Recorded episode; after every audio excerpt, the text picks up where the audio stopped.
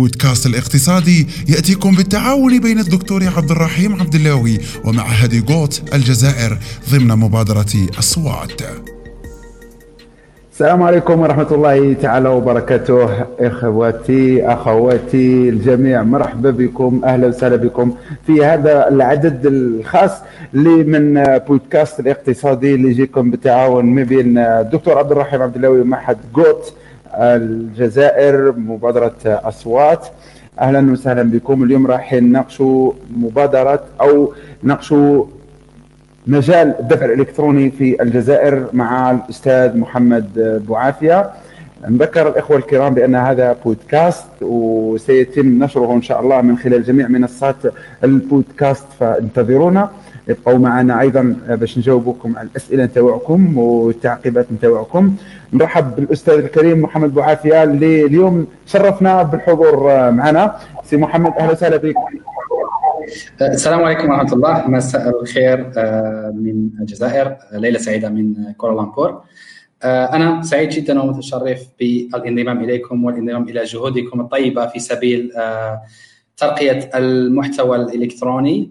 في الجزائر فيما يتعلق بالمقاولاتية وإدارة الأعمال وأشياء أخرى تفيد الجزائر والاقتصاد عموما. شكرا جزيلا لك مسبقا. بارك الله فيك أستاذ محمد آه، وشكرا جزيلا لك على قبول الدعوة وتخصيص هذا الوقت الثمين لنا. نعرفوا بلي عندك التزامات كبيرة وحتى انه الوقت بدأ يتأخر عندكم في ماليزيا فرانا نكونوا في حدود الساعة الحادية عشر 21 دقيقة. إذا كان راني غلط صحح لي؟ العاشرة العاشرة 21 دقيقة فشكرا جزيلا لك. وراح نسهروا مع بعضنا اليوم فيعطيك الصحة. تقدر تعرفنا سي محمد بوعافيه والتحديات اللي يواجهها في حياته اليومية منين بدا وكيفاش دار وكاع حبوا نعرفوا على سي محمد بوعافيه أهلا وسهلا. متشرفين. شكرا جزيلا. أه، بكل تواضع محمد بوعافيه مهندس دولة في الوقايه والأمن الصناعي. تخرجت من جامعة باتنا 2012 بعد مشيت لماليزيا من أجل الدراسات العليا. مسيرة ثمانية سنوات في ماليزيا مليئة بالفشل بعض النجاحات. الكثير من الدروس آه، آه، اهتمامات كثيرة في بالاقتصاد اهتمامات بالمقاولاتية اهتمامات بالفلاحه خاصه الفلاحة الذكية. ماجستير في المقاولاتية. الفلاحه الذكيه سأعود إلى هذا الزراعة الذكية سمارت فارمين ماجستير في إدارة الأعمال من الجامعة الوطنية الماليزية. اشتغلت لمدة ثلاث سنوات تقريبا في PayPal عملاق الدفع الإلكتروني. بعد ذلك انضممت إلى شركة دفع startup في في ماليزيا. هي هي تابعة لشركة طيران AirAsia اللي هي أرخص شركة طيران منخفض التكلفه في العالم لمدة 10 سنوات. فتقريبا هذه هي التجربة. إذا عندكم أي استفسارات أخرى أنا سعيد بالإجابة عليها.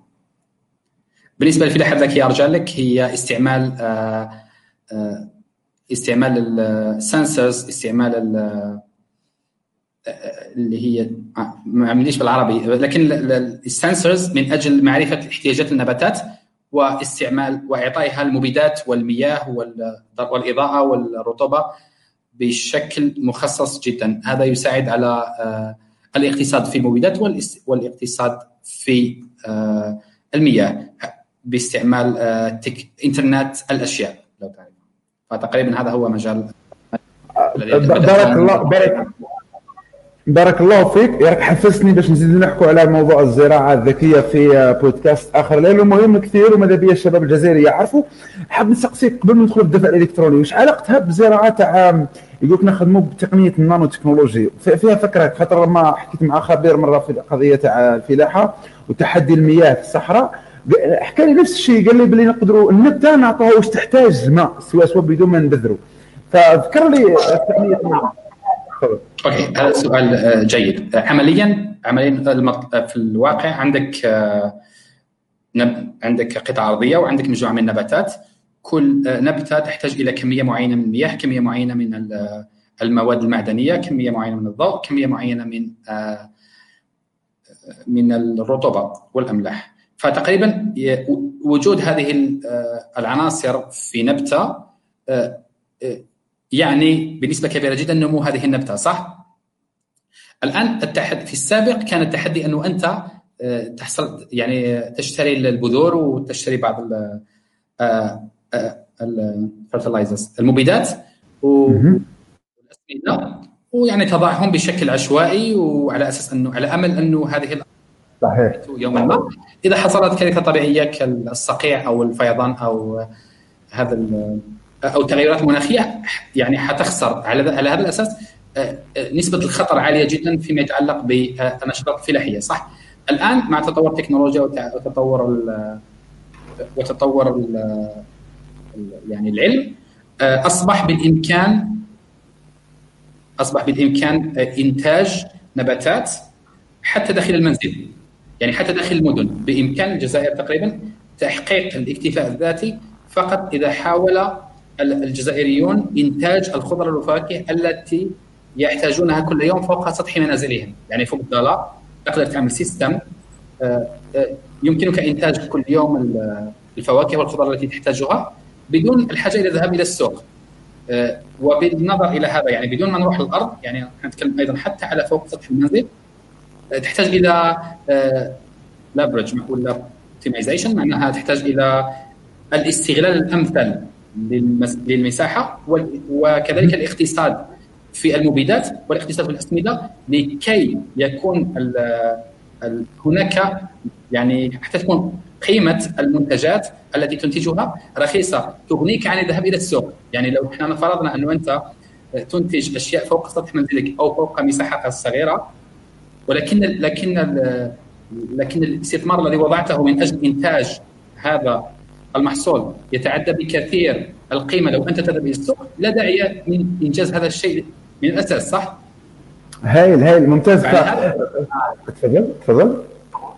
على هذا الأساس إنه لازم يكون return investment لازم يكون هناك آه عائد على الاستثمار. آه ساعدني شوية في الترجمة لأنه آه تعلمت باللغة الإنجليزية أنا نعاني شوية. آه. آه. آه. سؤال رائع من الاستاذ كمال عمراوي. آه هناك آه دقيقة برك يعني لا تسمح لي لا تسمح لي لأنه إحنا رانا في بودكاست وين اللي يسمع منكم ما يعرفش الأستاذ كمال العمراوي يشطرح سؤال.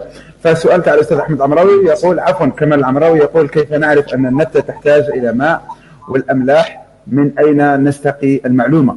فهذا السؤال تاع الأستاذ كمال. وراح يجاوب عليه الأستاذ آه، محمد. تفضل. آه، شكرا جزيلا أستاذ كمال. هذا السؤال رائع. آه، الإجابة على هذا السؤال تكمن لو أنت تذهب إلى علي بابا ولا تذهب إلى أي موقع وتكتب آه وتكتب farming sensors آه في فيه sensor كيف؟ مستشعر. تشتريه بمبلغ رخيص ممكن 1 دولار ولا 2 دولار. okay؟ رخيص. آه وتضعه في في في التربة قبل أن تأخذها للزراعة. okay؟ آه هذا المستشعر هذا المستشعر تقوم يعني كود يعني تقوم ببرمجة صغيرة باستعمال Arduino يعني لغة البرمجة اسمها Arduino آه، سيقرأ المستشعر من التربة كمية الأملاح المعدنية في هذه التربة okay؟ وكذلك وكذلك الأملاح والرطوبة ويعني باستعمال يعني data يعني يكون عندك واي فاي سيقوم بنقل بنقل المعطيات البيانات من هذا من هذه من هذه التربة إلى ال cloud يعني فيه منصة آه، سأرسل لك الرابط لاحقا اسم المنصة هذه. بعدين أنت من الكمبيوتر يعني تقدر تعمل access وتشوف التربه تاعك كم لديها أملاح كم فيها أملاح وكم لديها وكم فيها مياه وكم فيها ناقليه للكهرباء وكم فيها آه، رطوبة. وأيضا يمكن أن حتى تحصل على معطيات تتعلق بالإضاءة. لأن وبعدين تروح للإنترنت تروح لجوجل وتكتب مثلا أنت تغرس فراولة ولا تغرس بصل ولا طماطم تكتب ما هي كمية الاملاح الضروريه للبصل أو أو الفراولة أو أو أي منتج أنت تغرسه. حيعطيك المجال. أه. بعدين أنت تقرر تزيد نسبة المعادن أو تنقصها في هذه التربة. ثم أه. تمهيدا لبداية الغرس فيها. وعلى هذا الله أكبر. الله أكبر الله أكبر الله أكبر. على الاساس فانك يعني آه تحيه آه باستعمال هذا اردوينو وانترنت الأشياء يمكنك توفير البيئة المناسبة للنبتة مهما كانت البيئة. الآن لما تسمع زي قلت مثلا أنا من باتنا معناها منطقة الأوراس معروفة بالتفاح لو أنت تعرف. صح؟ أستاذ أستاذ محمد. voilà voilà. أنا زرت اانا زرت حوش التفاح ثم صح أيوه مش آه أنا عائلتي تنتج أنا عائلتي أيضا تنتج التفاح من منذ 50 أو 60 سنة. ما شاء الله. ولاية باتنا معروفة بالتفاح منذ آه، الأزل. وكذلك ولايات أخرى مثلا لو تروح انت مسيله فيها المشمش أيضا تروح مثلا ولايات أخرى فيها الفراوله تروح ولايات أخرى فيها الكرز. إيه، الآن هذا التفكير التقليدي التفكير الحديث يمكنك إنتاج أي شيء في كل في مكان في الجزائر. إذا وفرت البيئة المناسبة لهذيك النبتة آه، لكي تزهر ولمعرفة البيئة المناسبة لازم نستعمل البيانات، البيانات يمكن آه، إنتاجها بواسطة المستشعرات ولغة البرمجة تسمى اردوينو فيمكن يعني آه، في ناس ربما أكثر تخصص من هذه البيئة ممتاز ممتاز. هو هو موضوع موضوع شيق موضوع شيق وأنا كمقاول اجتماعي أنا مهتم آه بارك الله فيك. هو موضوع شيق جدا. سامحني سامحني. قمت آه قمت بغلق الميكروفون لكي لا يعود صوتي فقط. اذا آه موضوع شيق جدا. موضوع شيق جدا وراح نتكلموا فيه ويا ليت نتكلموا فيه في بودكاست قايم حد ذاته على الاقل تجربتك الشخصية أستاذ محمد لأنه مهم مهم مهم بارك الله فيك. ولو كانت تشوف يا أستاذ التكاليف التي آه، يبذلها الفلاح الجزائري من أجل إنتاج المحصول وحتى التكاليف تاع الفرصة البديلة فالأمر يعني فيه خسارة كبيرة. وأنا كمقاول اجتماعي راني مهتم بهذا الموضوع كثير وبحول الله ممكن نكون أنا مبين الاولين أنا إن شاء الله. وعلى بارك الله فيك. خويا محمد أستاذ محمد راني من بين المقاولين اللي حيرفعوا هذا التحدي إن شاء الله على الصعيد الجزائري. آه راح تكون المعلومات تاعك بشكل عملي مباشرة مع واحد من الناس اللي راح يطبقها على أرض الميدان بحول الله. يكثر لنا هذا برك يكثر لنا الفلوس برك يجي الفلوس برك ونديروا إن شاء الله. ندخلوا الموضوع تاع الدفع الإلكتروني. فبالنسبة للدفع الإلكتروني بعثت رسالة مهمة كثير. وهذا هو يعني نوع النقد البناء اللي نحتاجوه باش نطوروا إحنا على صعيدنا المحتوى وأيضا حتى نمضي قدما مع بعضنا لبناء جزائر أفضل ومناخ استثماري أفضل وإن شاء الله تكون بلادنا نواره بالشكل اللي نطمحوا أننا نشوفوه آه، في حياتنا ولا على الأقل الأجيال القادمة تعيش فيه. أستاذ محمد من بين الانتقادات البناءة اللي وجهتها ومشكور عليها جزيل الشكر أنه قلت باللي الفيديو اللي خدمته تاع الدفع الإلكتروني يصلح يكون كجزء ثاني من سلسلة تتحدث عن الدفع الإلكتروني فلا غنى عن فيديو يتحدث عن ماهيه الدفع الإلكتروني وأهمية وجود استراتيجية وطنية رقمية تدفع للأمام آه لدمقرطه الدفع الإلكتروني وتشجع الدفع الإلكتروني في الجزائر. من بين النقاط اللي ركزت عليها واللي طلبت أننا نركز عليها هي أننا نعرف ما هي الدفع الإلكتروني وأهميته. فأنا نفضل كثير أنه الأستاذ اللي عنده خبرة كبيرة مع باي بال وعنده خبرة أيضا مع الواقع في الجزائر عفوا في ماليزيا.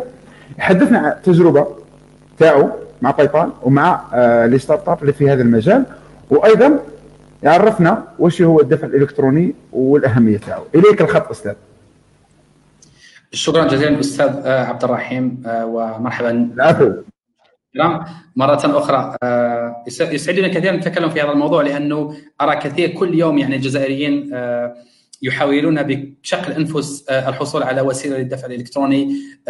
يعني الشعب الجزائري شعب طموح وكذلك شعب يحاول كل يوم أن يحسن من حياته. لكن للأسف الشديد الواقع على الأرض لا يوافق تماما طموحات الشباب وذلك لأن المنظومة المالية والمنظومة التكنولوجية في القطاع المالي آه، تعود إلى سنوات الخمسينات والستينات للأسف.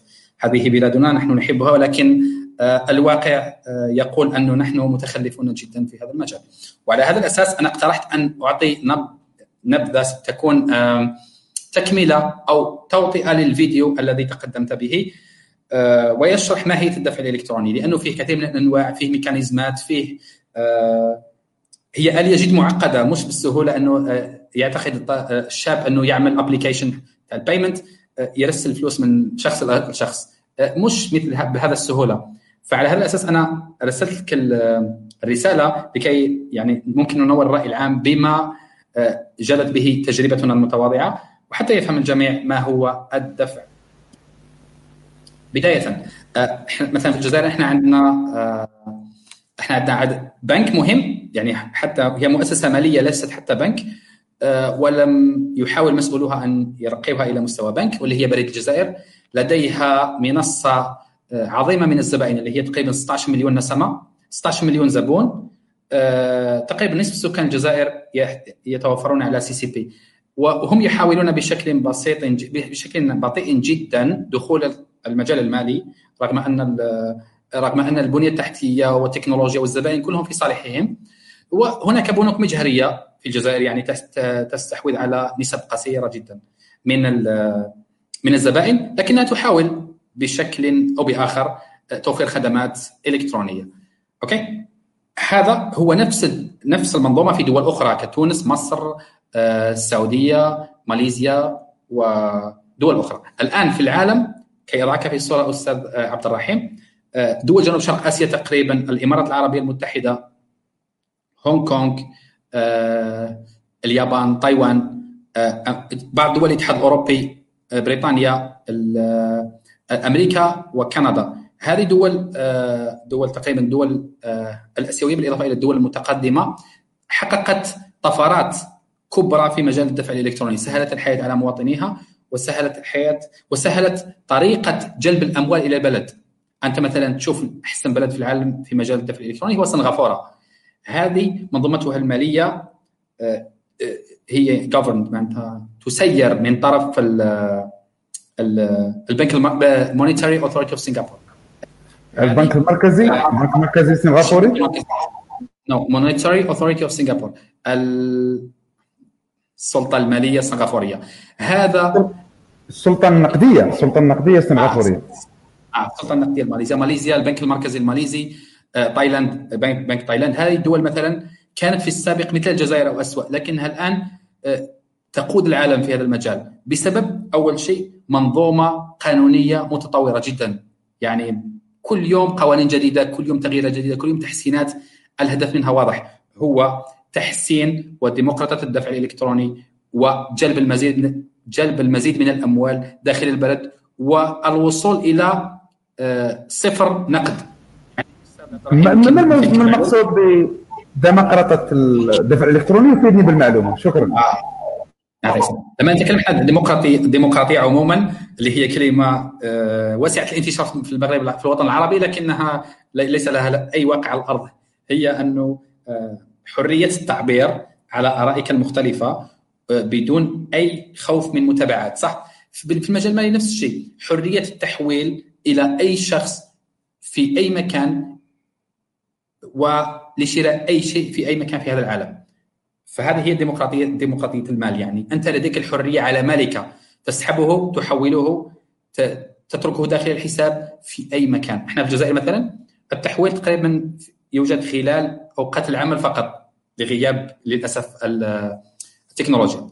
الآن آه، آه، التحويل الإلكتروني هو آه، mécanisme هو système لكي تنفذه لازم الكثير من الأدوات سأشرحها لاحقا لكن قبل ذلك في أنواع من الدفع الإلكتروني. هذه أول شيء لازم المشاهد الكريم يعرفها.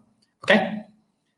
الدفع الإلكتروني أول شيء أنه أول شيء تحويل المبلغ من المال بعملة إلى من شخص من شخص أو مؤسسة إلى شخص أو مؤسسة بنفس العملة أو بعملة أخرى. Okay؟ من من من حساب إلى حساب آخر. ممكن يكون من نفس البنك أو يكون إلى إلى حساب بنكي آخر. Okay؟ فمن خلال هذا الشرح البسيط تظهر لك العديد من من الإمكانات من الاحتمالات الممكنة صح؟ Okay؟ فأول شيء مثلا لو أنت لو أنت لديك تطبيق بنكي okay؟ نفترض مثلا نحط في الصباح ووجدت آه، بنك السلام أو بنك Natixis أو بنك Société Générale أو BNP Paribas أو أي بنك آخر في الجزائر عمل تطبيق يسمح بتحويل الأموال من من تطبيقك إلى تطبيق من تطبيق زبون إلى تطبيق زبون آخر أوكي آه. هذا عمليا لا يحدث أي تغيير في في حركة الأموال من بنك إلى آخر لأنه الأموال تكون داخل البنك صح؟ ففقط يحدث في تحويل للمبلغ من حسابك أنت يتم نقصان مبلغ ويتم إضافة مبلغ إلى الطرف الآخر صح؟ هذا يسمى peer to peer payment P2P أو peer to peer okay هذا بسيط جدا. هذا ما يحدث في ما يحدث في بريد الجزائر الآن مع بريدي موب أنت تحول مبلغ من شخص إلى شخص. هو عنده CCP والشخص الآخر لديه CCP هذا أمر بسيط جدا okay لا يحتاج تكنولوجيا كثيرة لأنه المال لا يتحرك فقط نقاط نقاط من هذا الحساب إلى هذا الحساب okay الآن نفترض أنه آه هذا البنك هذا التطبيق يسمح لك بتحويل الأموال من بنك A مثلا بنك Natixis أو بنك آه Société Générale أو أي بنك من بنوك الجزائر إلى بنك آخر غير هذاك البنك. آه هذا يعني تحويل البنك من آه تحويل المال يتم أيضا على مستوى البنوك صح؟ يعني أنا أحول لك. أنا عندي عندي حساب بنكي عندك حساب بنكي مختلف على بنكي أنا نرسل لك فلوس بعدين هذاك البنكين لازم يتلاقوا ويتشاوروا ويقولوا هاو صح كريستل أنا أعطيني أعطيني الفلوس يرسلهم لك الآخر. صح؟ هذا اسمه remittance تحويل الأموال. Okay؟ هذا معقد شوية لأنه يتطلب نظام اسمه نظام المقاصة يعني اجتماع ما بين البنوك ويتم تسوية الحسابات. Okay؟ اسمه بالعربية نظام المقاصة. مقاصة ممتاز. خبير الآن فيه آه فيه فيه طرق بيع أخرى فيه طرق تحويل أموال أخرى اللي هي الشراء الشراء بالبطاقة okay؟ يعني أنت معك معك بطاقة بنكية okay؟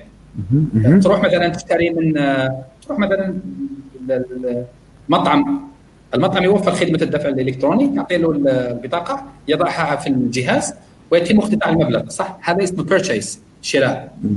okay؟ okay. وفيه نوع آخر من العمليات آه وفي نوع آخر من العمليات البنكية تسمى withdrawal معناتها السحب من الآلة. أوكي؟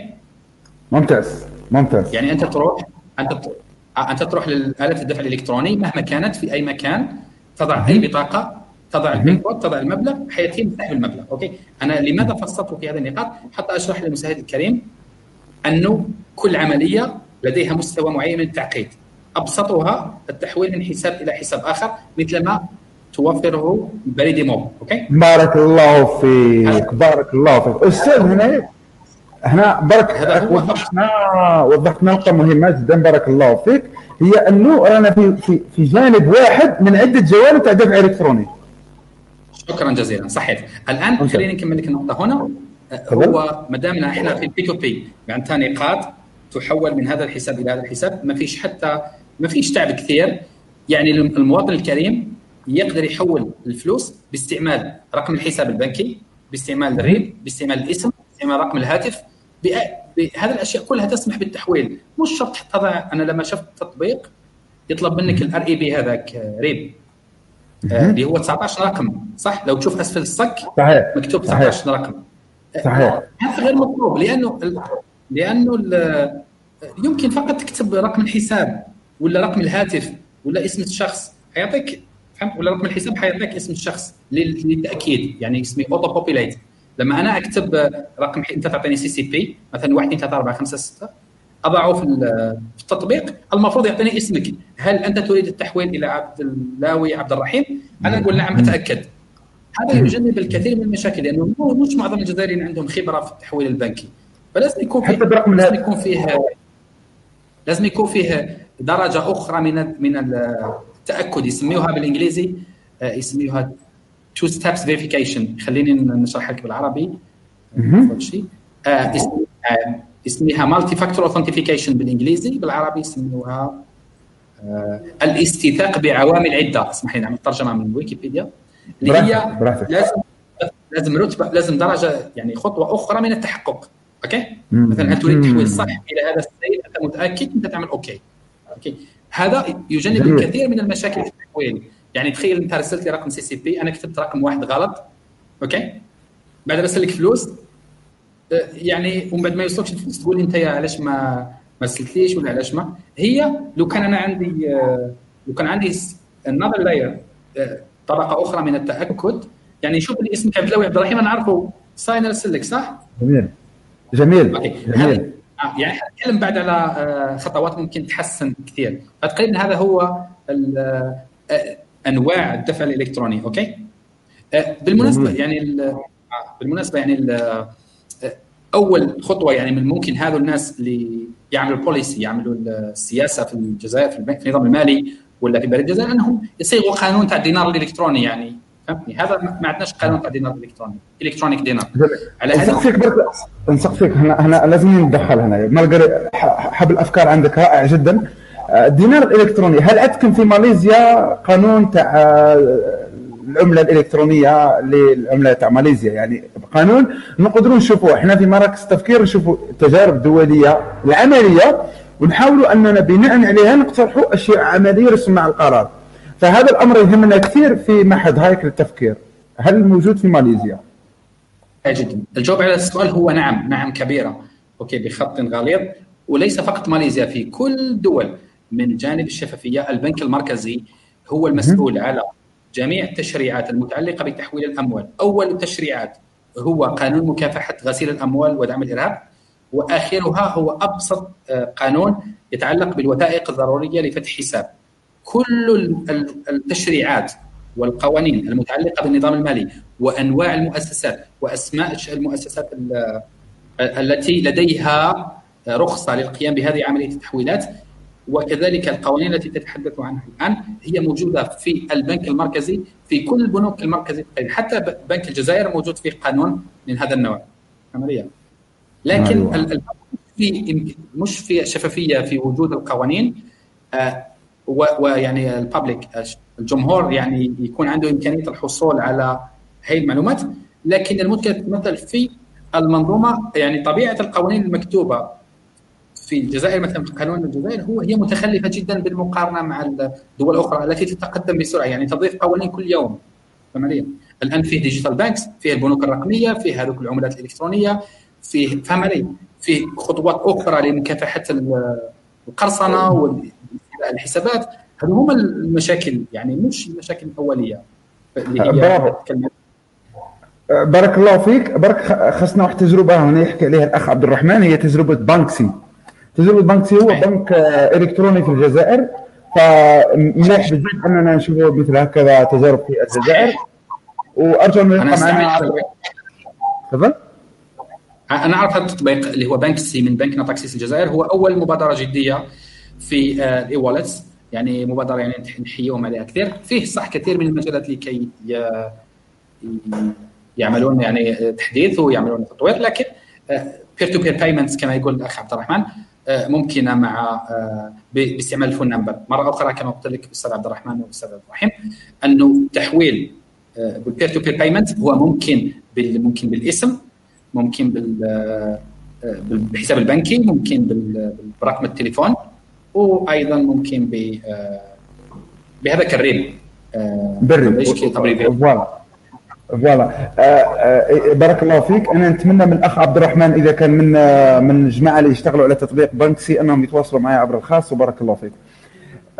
اذا أستاذ هناك تحدثنا على أنواع الدفع الإلكتروني والآفاق نتاعو.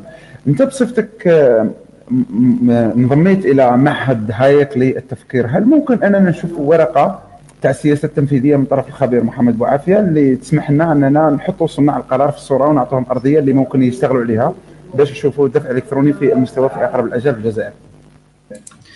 سؤالك طيب ورائع أنا لست خبيرا بكل بكل تواضع لأنه خبير على الأقل عشر كل مجالات الدفع الإلكتروني. أنا متخصص في أه، مجال واحد فقط. يوجد الكثير من الأشياء التي يجب أن نتعلمها حتى نصل إلى درجة خبير. لكن من خلال ما من خلال خبرتي المتواضعة في المنظومة القانونية للدفع الإلكتروني خاصة فيما يتعلق بتعريف العميل هذه آه، يعني ممكن نقدم اقتراحات مهمة وجوهرية للجزائر تسهل تسهل من فتح من الفتح الإلكتروني للحسابات. مثلا الاخ عبد الرحيم في دول كثيرة في العالم يمكنك فتح حساب إلكتروني بدون الحساب بنكي إلكتروني بدون الحاجة للذهاب إلى ال branch كيفاش نقول branch branch؟ نعم. أيوه voilà بدون تقرب من مبنى البنك يعني آه أونلاين. أنا نعطيك مثال اخويا محمد بوعافيه آه إذا تسمح لي أنا عندي كارت بايسيرا في بنك في ليتوانيا. منا برك يعني عن طريق الهاتف عن طريق الهاتف فقط. عندي ال application ونشتغل عليه وممتاز. فلماذا لا يكون هذا الشيء في الجزائر؟ ماذا كان نتكلمون الحمد لله عندنا خبراء و...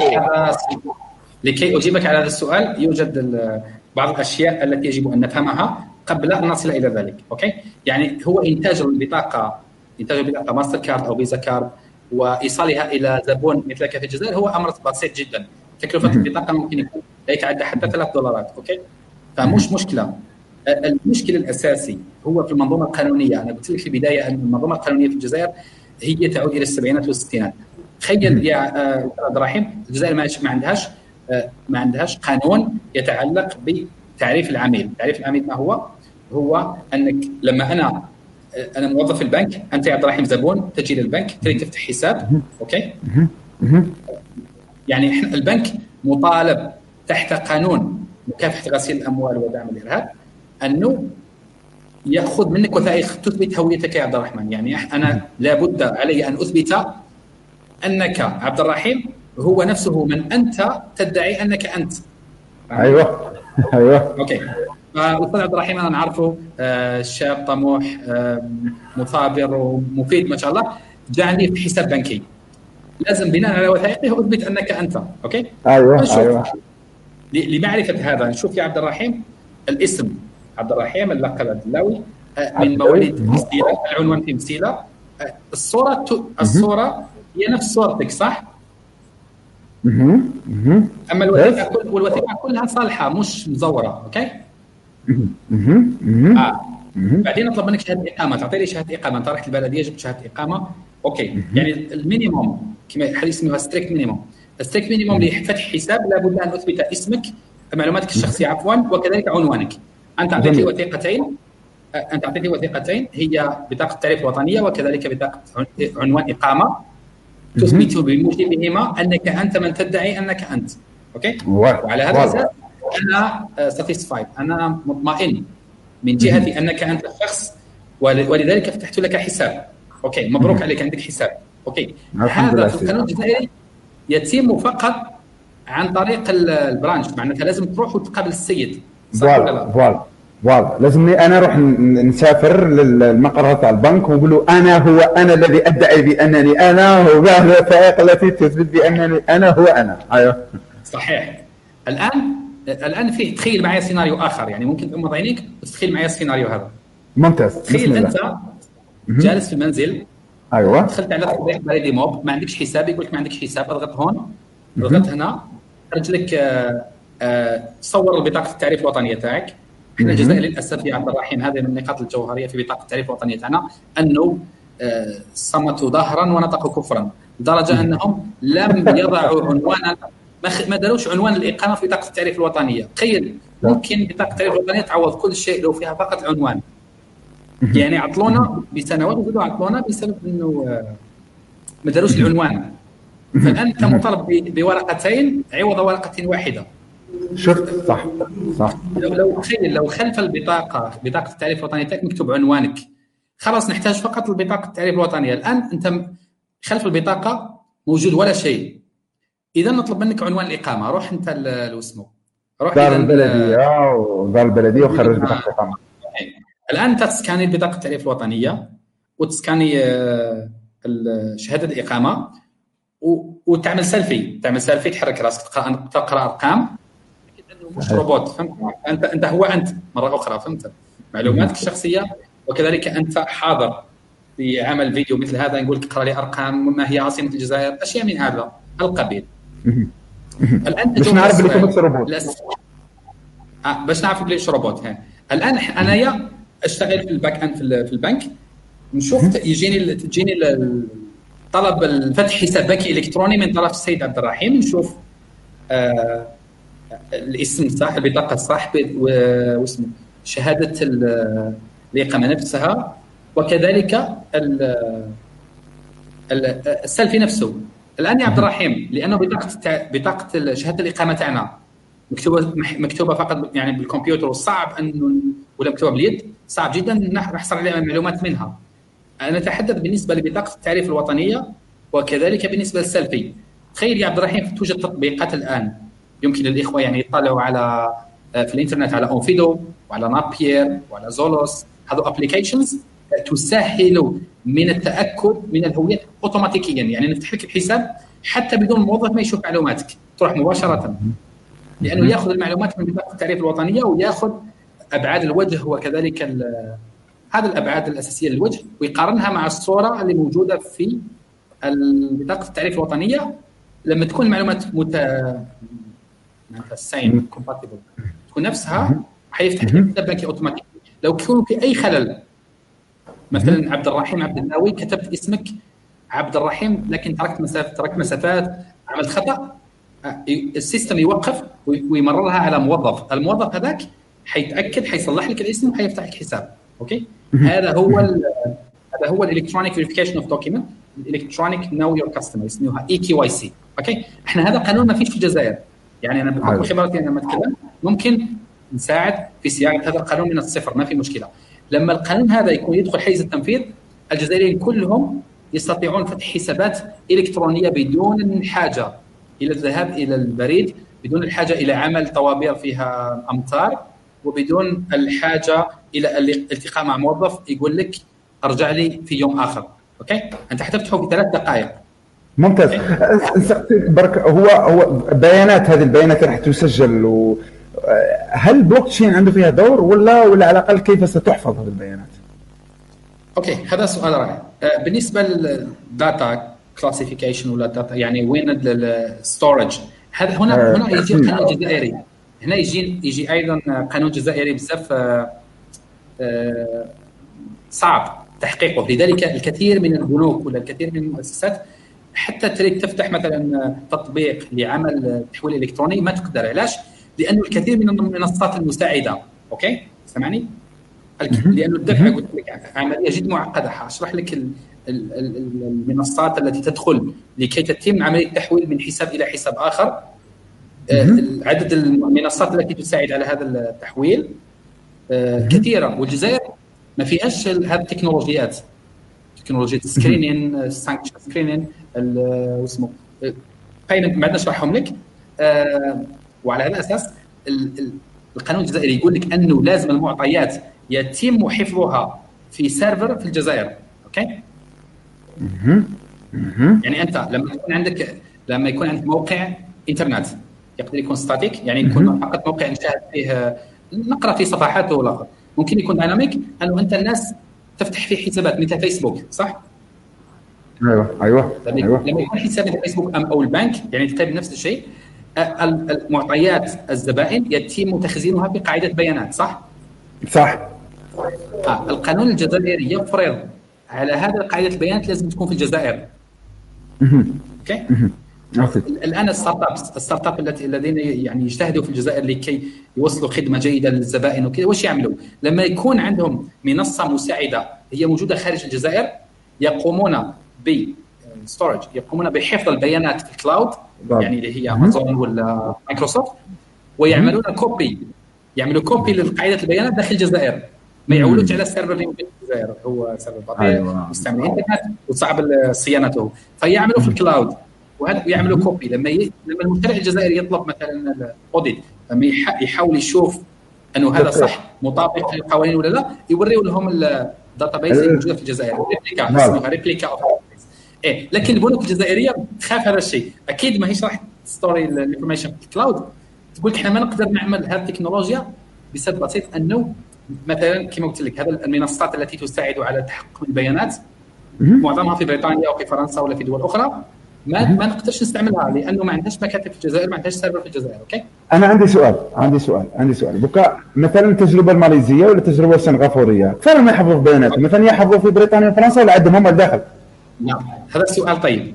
شوف آه قلت لك سنغافوره دولة متقدمة جدا ودولة مفتوحة للاستثمار. تقدر تفتح شركة في ساعات okay؟ تفتح شركة من الصفر في ساعات هذا خلى جميع الشركات الأمريكية وجميع الشركات العالمية عندها مكاتب عندها مكاتب في سنغافورة وماليزيا لأنها تستعملها كنقطه ارتكاز في العالم. مثلا PayPal مكتب مكتب العملية تاعها ولا النظام التشريعي الذي تعتمده للتحويل لدول العالم تقريبا كلها من سنغافورة مش من أمريكا. منظومة مالية عظيمة من ناحية البنية التحتية من ناحية القوانين من ناحية اليد العاملة يعني جد متطورة. ماليزيا نفس الشيء. ماليزيا ماليزيا كان في السابق لديها نفس القانون من الجزائر يعني القانون ماليزيا نفس الجزائر. كان كان لازم انه الشركة يكون عندها storage اللي هي حفظ البيانات داخل الجزائر. داخل ماليزيا عفوا. الآن غير القانون. قال يمكنك يمكنك أن تعمل storage أن حفظ البيانات في ال cloud وتعمل copy داخل ماليزيا. ويكون لديك علم أين تم حفظ البيانات في ال cloud آه، لأنه لما نسأل لازم أنت تجيب على هذا السؤال. فلما غيروا هذا القانون صارت طفرة نوعية عملاقة. وحتى هذا شجع الكثير من الشركات على فتح مكاتب في ماليزيا. يعني الآن لما تجد ممكن تجد تطبيق مثلا Onfido اللي هو بريطاني من أنجح شركات و startups تاع ال face recognition وال eKYC electronic verification of document اللي هي الفحص الإلكتروني للوثائق والوجه هو بريطاني من أنجح startups في بريطانيا. لكن عنده عنده مكتب في وعنده مكتب في ماليزيا. أيوه. اذا خلاص خلاص. حجاوبنا حجاوبنا على السؤال اللي إحنا نطرحه عنده مكتب في ماليزيا ويخدم معاه شركات ماليزيه آه أكيد أكيد البنوك الماليزيه تعتمد عليه كثير وشوف يا شوف يا عبد الرحيم الديناميزم الديناميكية تاع الاقتصاد في جنوب شرق آسيا ماليزيا وسنغافوره بما أنها تسمح للناس تجي هنا وتشتغل فأكيد بنوا يد عاملة بنوا يد عاملة مؤهله التخصصات بعد ثلاث سنتين يخرج موظف ويأسس شركة تاعو صح؟ جميل جميل هذا جميل, جميل. هذا هو الشيء الجميل في جنوب شرق آسيا لأن تطور لماذا تتطور جنوب شرق آسيا بسرعة في ميدان الخدمات؟ لأن الكثير من الشركات الأمريكية والأوروبية لديها مكاتب هنا. فتوظف ناس، الناس هذوك يبنيوا خبرات. بعد خمس سنوات شغل ست سنوات شغل يغادرون هذه الشركة ويؤسسوا شركة تاعهم ويبدأون انتقال المعرفه آه. يسوي انتقال والتكنولوجيا ممتاز.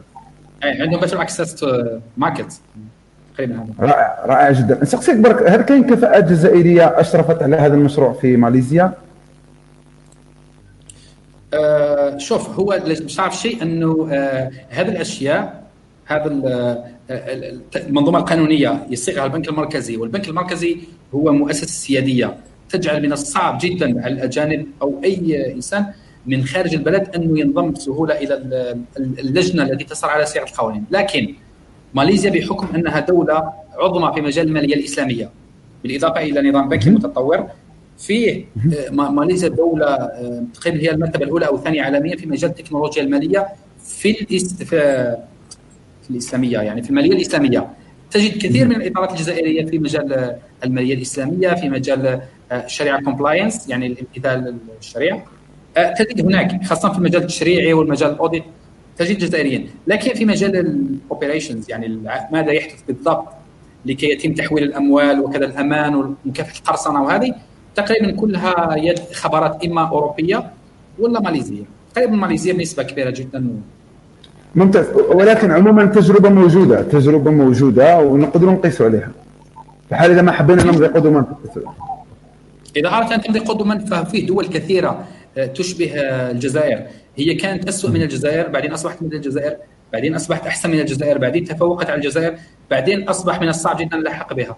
آه، هذه الدول مثل إندونيسيا يعني لو تروح لإندونيسيا لا يعقل ماذا ما تراه عيونك. يعني إحنا نشوف إندونيسيا دولة فقيرة تصدر يد عامله إلى الشرق الأوسط. مش هذا ما يحدث. لو تشوف انه إندونيسيا فيها 130 بنك 130 بنك. تخيل. والكثير من ال applications ال QR code تعرف ال QR code في إندونيسيا نعم. في كل مكان. في كل مكان. عدد التطبيقات كل يوم في تزايد في تزايد آه مستهل. ربما الإخوة الأكارم ممكن يشوفوا على Gojek اللي هو تطبيق إندونيسي.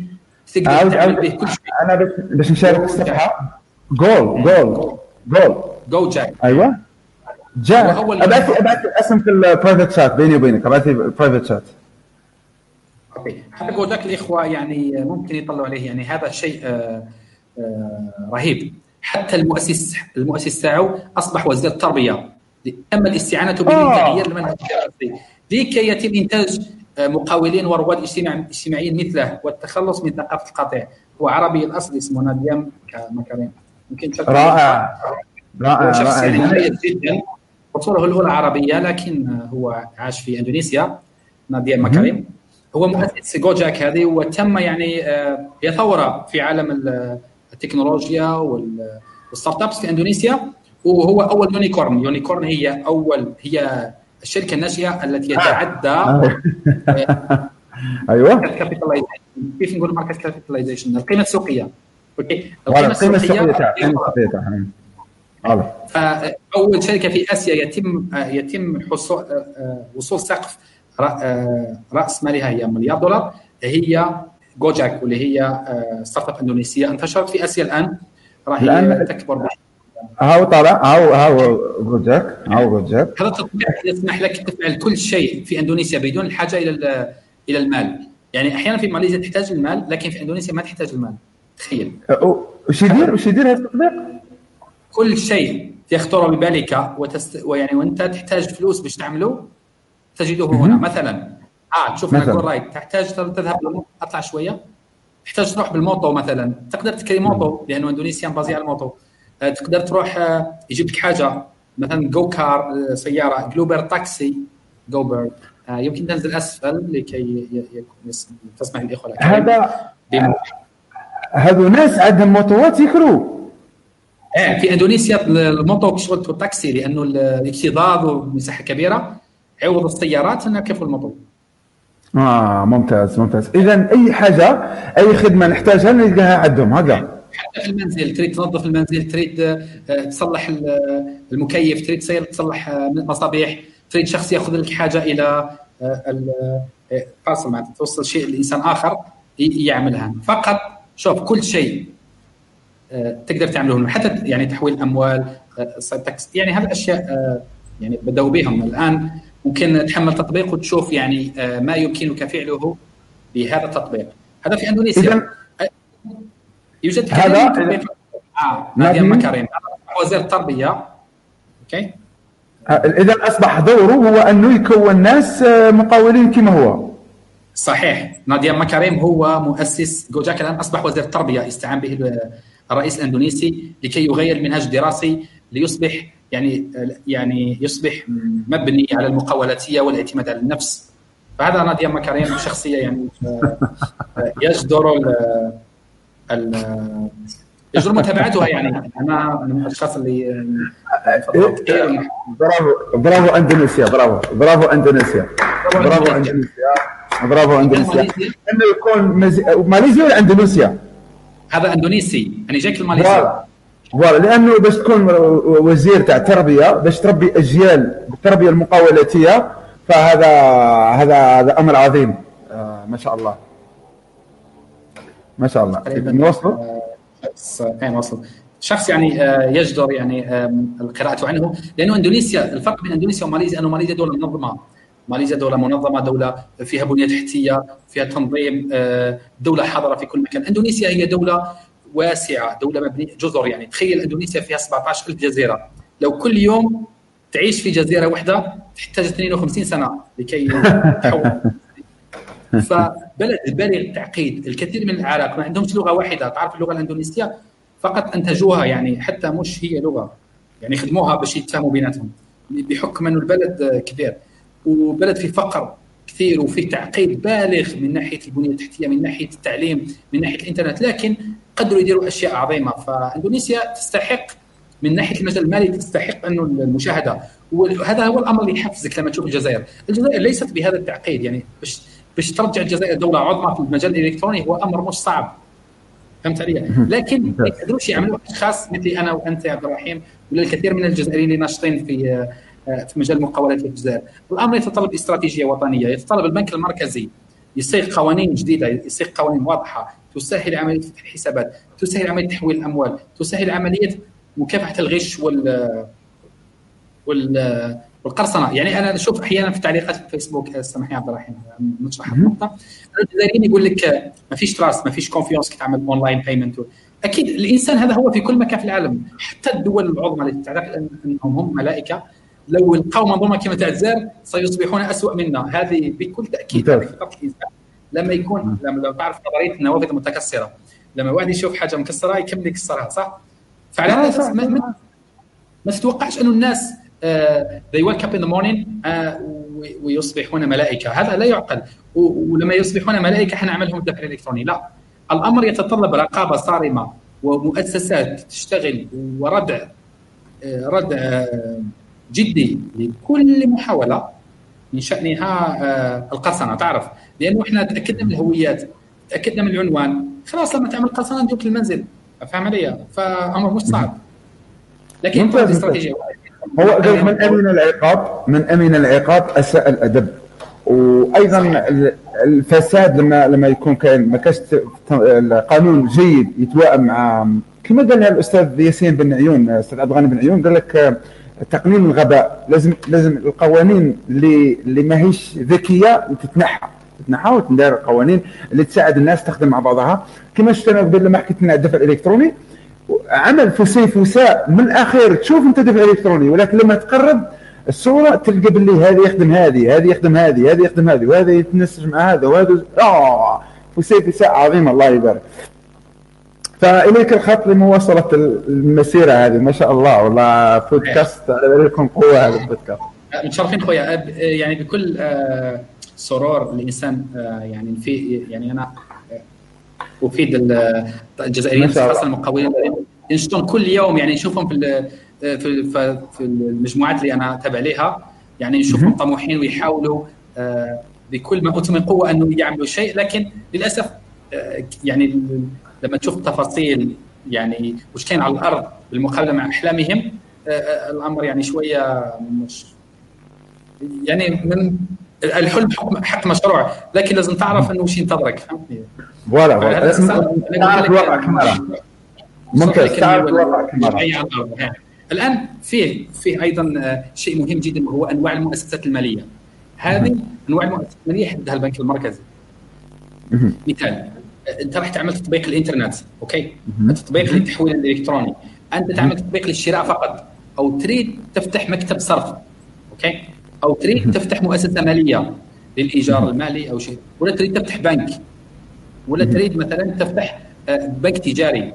فيه بنك تاع prestation اللي بنك يوفر خدمات للناس وفيه بنك يوفر آه، يوفر commercial يعني يوفر آه، بنك تجاري يعني أو بنك استثماري.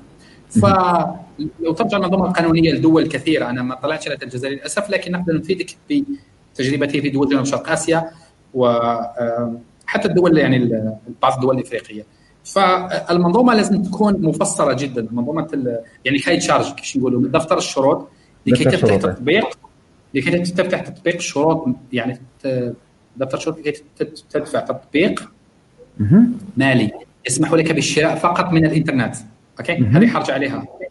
ولا تعمل تطبيق يخليك تحصل معه على بطاقة مثل أنت عندك Paysera صح؟ يعني صح. تطبيق مثل Paysera إيه Paysera مش مثل e-wallet اللي فيها تعمر فيها فلوس وتروح تصرفهم فقط اونلاين هذا مختلفين. لأنه أنت معك بطاقة تقدر تستعملها في أي مكان في العالم يقبل فيه Visa MasterCard وما جواب بعدين نشرح جميل. أوكي؟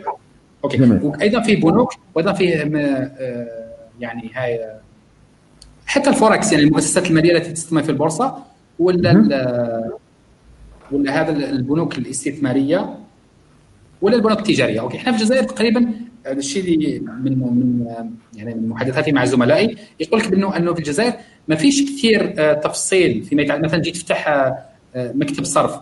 يبقى cahier des charges آه، صعب جدا والفائدة قليلة. وكذلك ال deposit يعني أنت باش تفتح مؤسسة مالية لازم تحط مبلغ هائل في البنك المركزي. فهمت؟ هائل. يعني مش مثلا تقريبا هكا نقولوا في حول 50 مليار مثلا فهمتني؟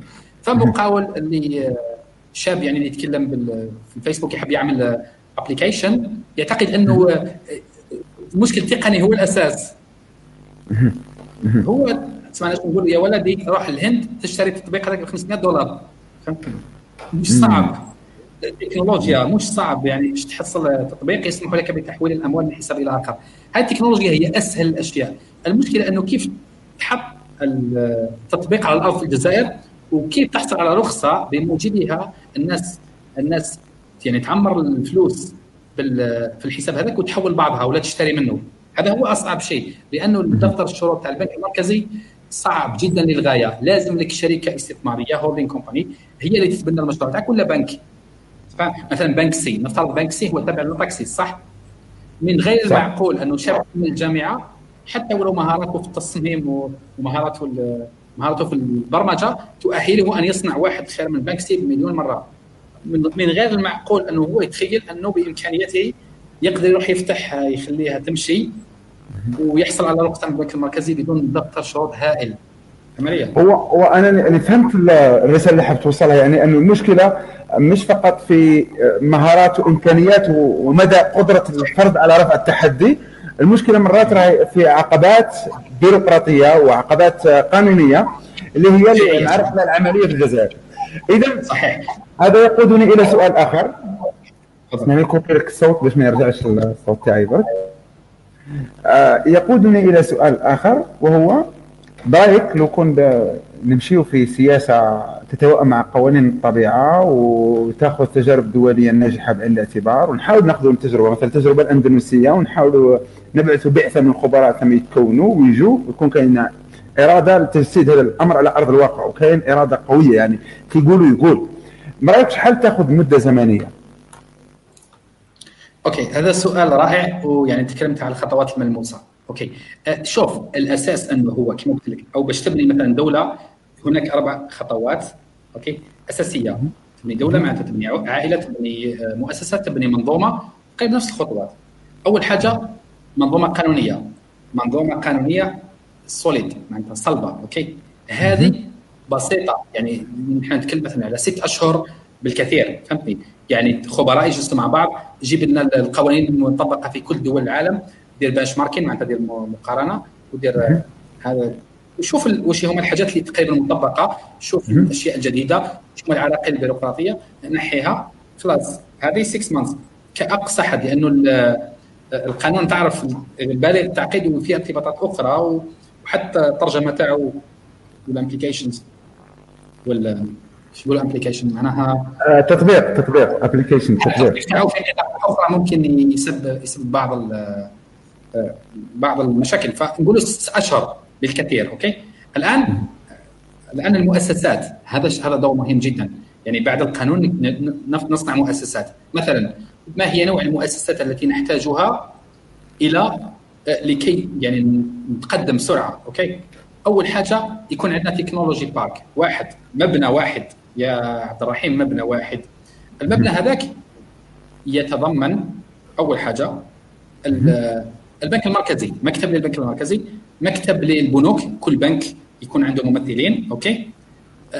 جمعية للبنوك هذا الجمعية تلتقي مع بعضها يعني تصيغ قوانين تتفق على قوانين داخلية فيما بينها تشارك الآخر ال trends في المجال المالي والمجال والمجال القرصنه وال fraud هذه الجمعية مهمة جدا لأنه تطالب بحقوقها أمام البنك المركزي OK؟